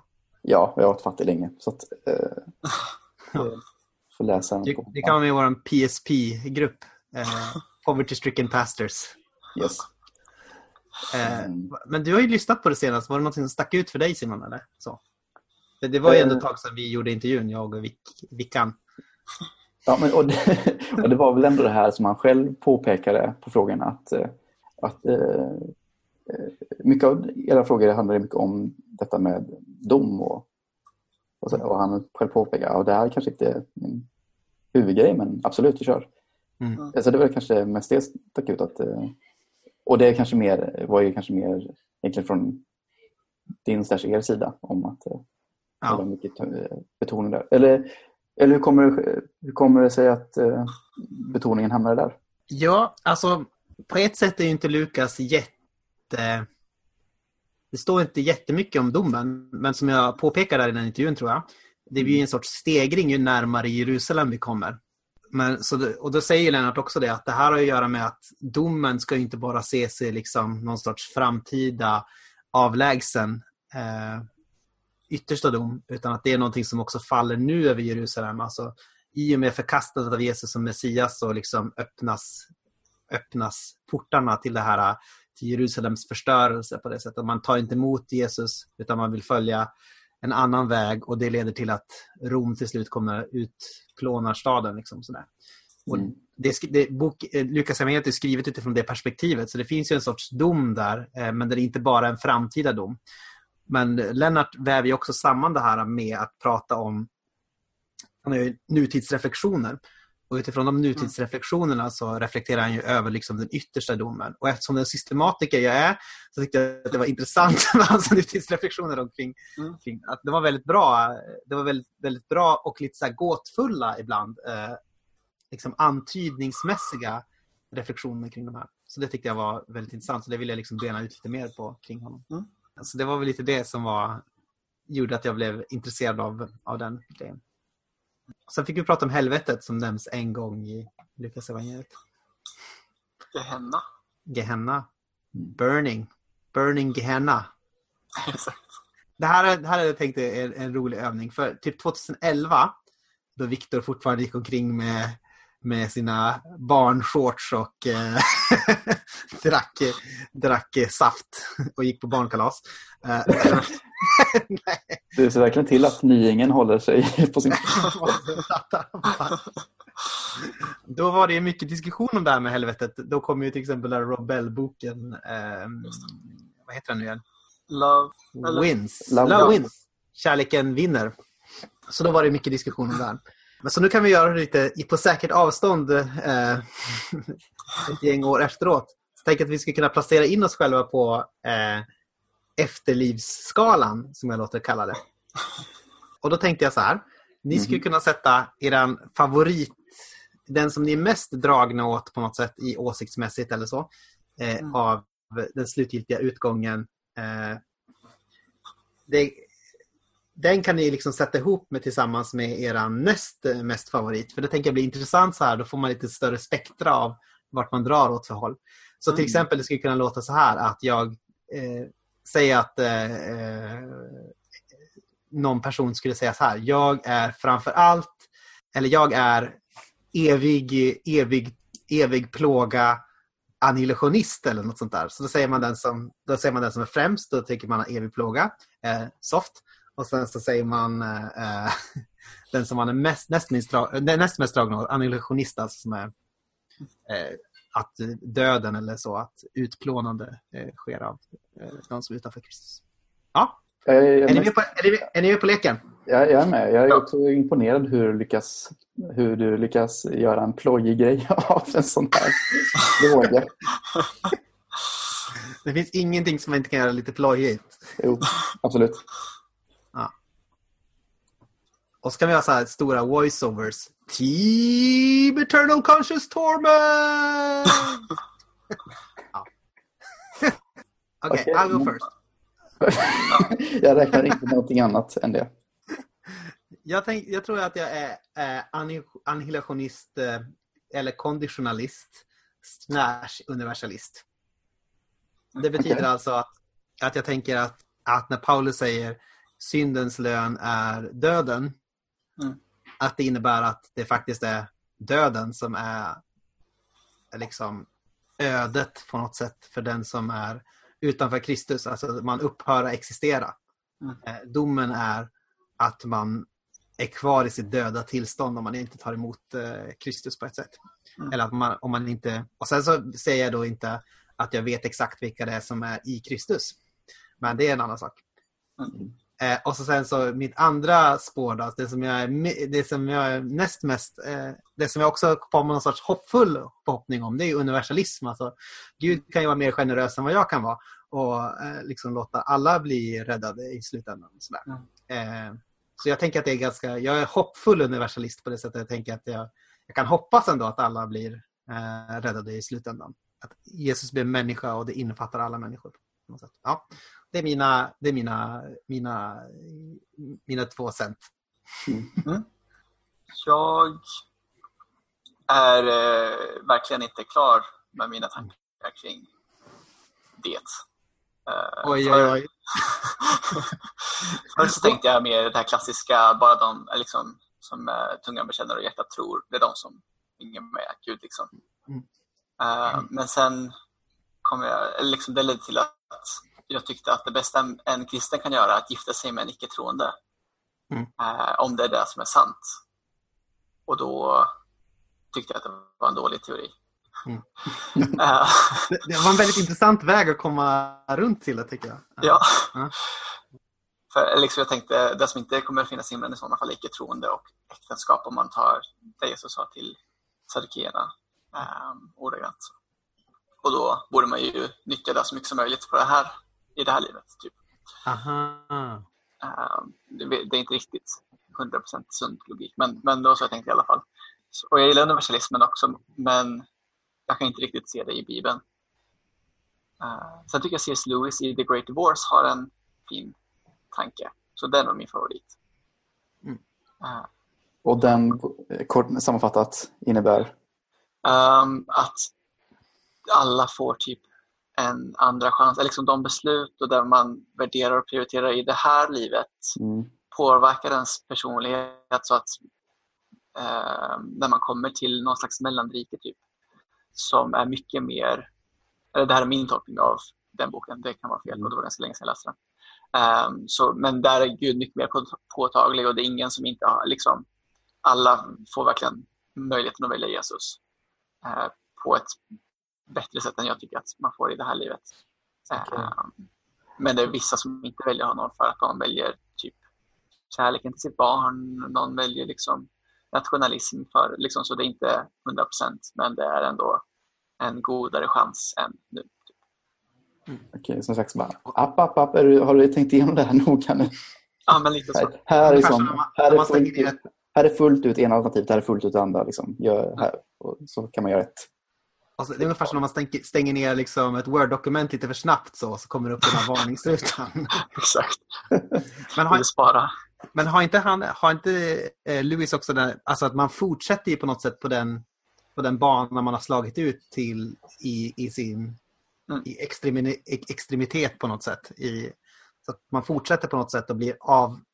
Om man väljer liksom bort Gud, det blir också som en progressiv avförmänskling av en själv. Så för att man blir bara, man blir bara de negativa begären som man har som man sätter framför Gud eller något sånt där.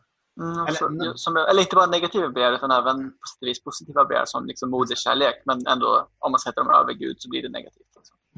Just det. Intressant. Mm. Så C.S. Lewis eh, universalist då kanske? Men typ så.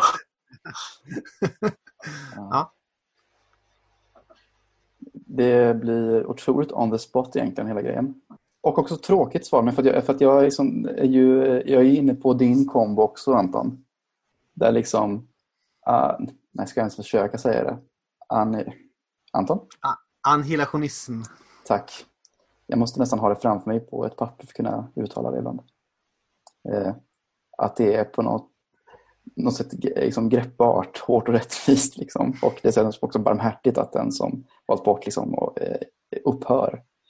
Då jag har eh, mycket svårt för någon tanke som eh, någon som helst tanke som har att göra med att, att eh, man skulle eh, få utstå någon slags evig eh, hemsk plåga. Och att, eh, det egentligen största straffet vore, liksom, vore egentligen icke-existens.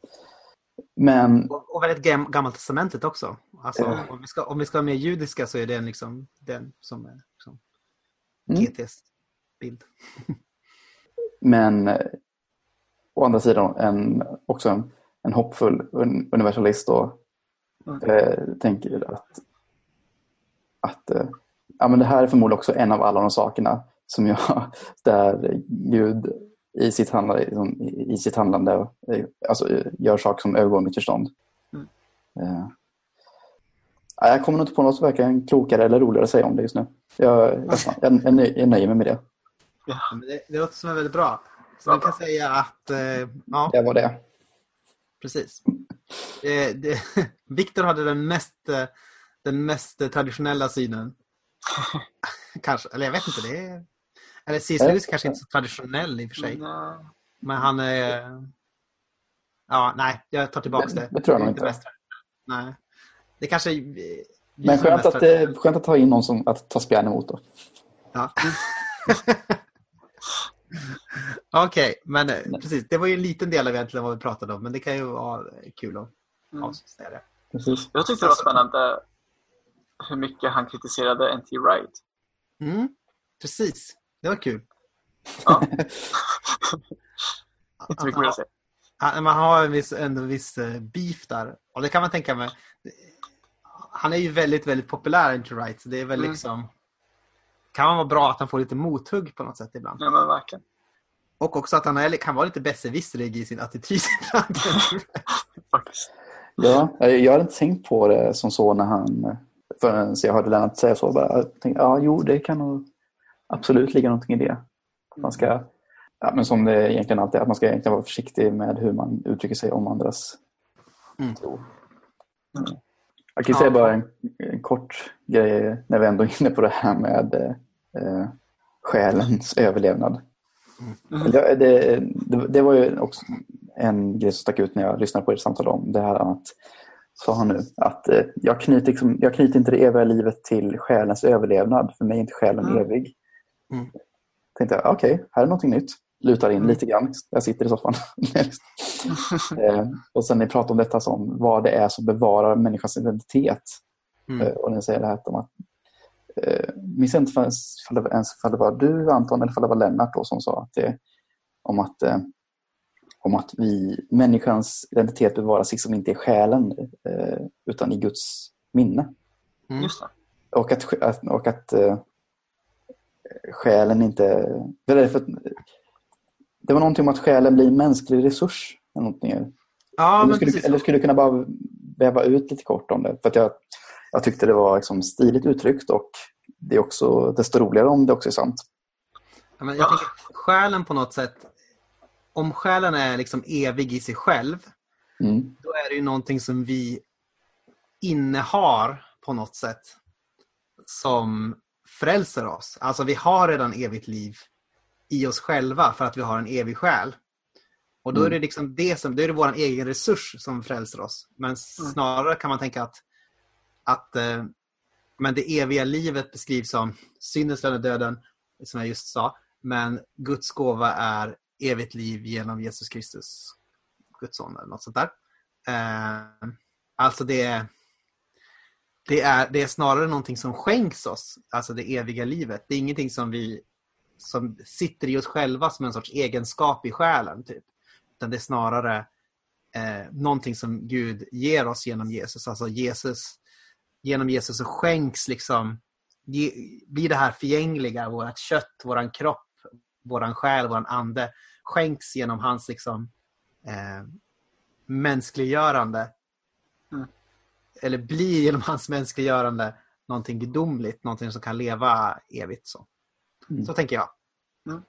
Och det, det är liksom poängen på något sätt med uppståndelsen, tänker jag också att Jesus uppstår från de döda som liksom den förstfödda från de döda, som Paulus Mm. beskriver. Alltså den först den som går, står upp från de döda först och som liksom utgör ett mönster för vad som ska hända för oss andra som är i Kristus. Liksom. Att Mm. vi ska få stå upp och eh, leva som han lever. Och det innebär inte liksom att som också Lennart väldigt eh, mycket trycker på. Det är inte samma sak som att vi är exakt det vi är nu och så fortsätter vi och liksom bara för evigt. Liksom, utan det är snarare att det är en sorts förvandling, en, en förändring. Precis som Jesu kropp är liksom så här, både, eh, både en sån som kan äta fisk som han gjorde innan också, Mm. men också en sån som på något sätt inte på samma sätt bunden genom av tid och rum.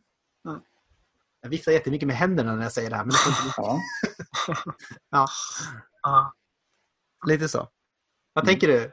Är det... Jag gillar personlighetsdraget, är en sån som kan äta fisk. Mm. Det, det, är- det är adekvata krav att ställa på honom. vad, är det, vad skulle, skulle du beskriva? Så, ah, men jag är en sån som kan äta fisk. Liksom.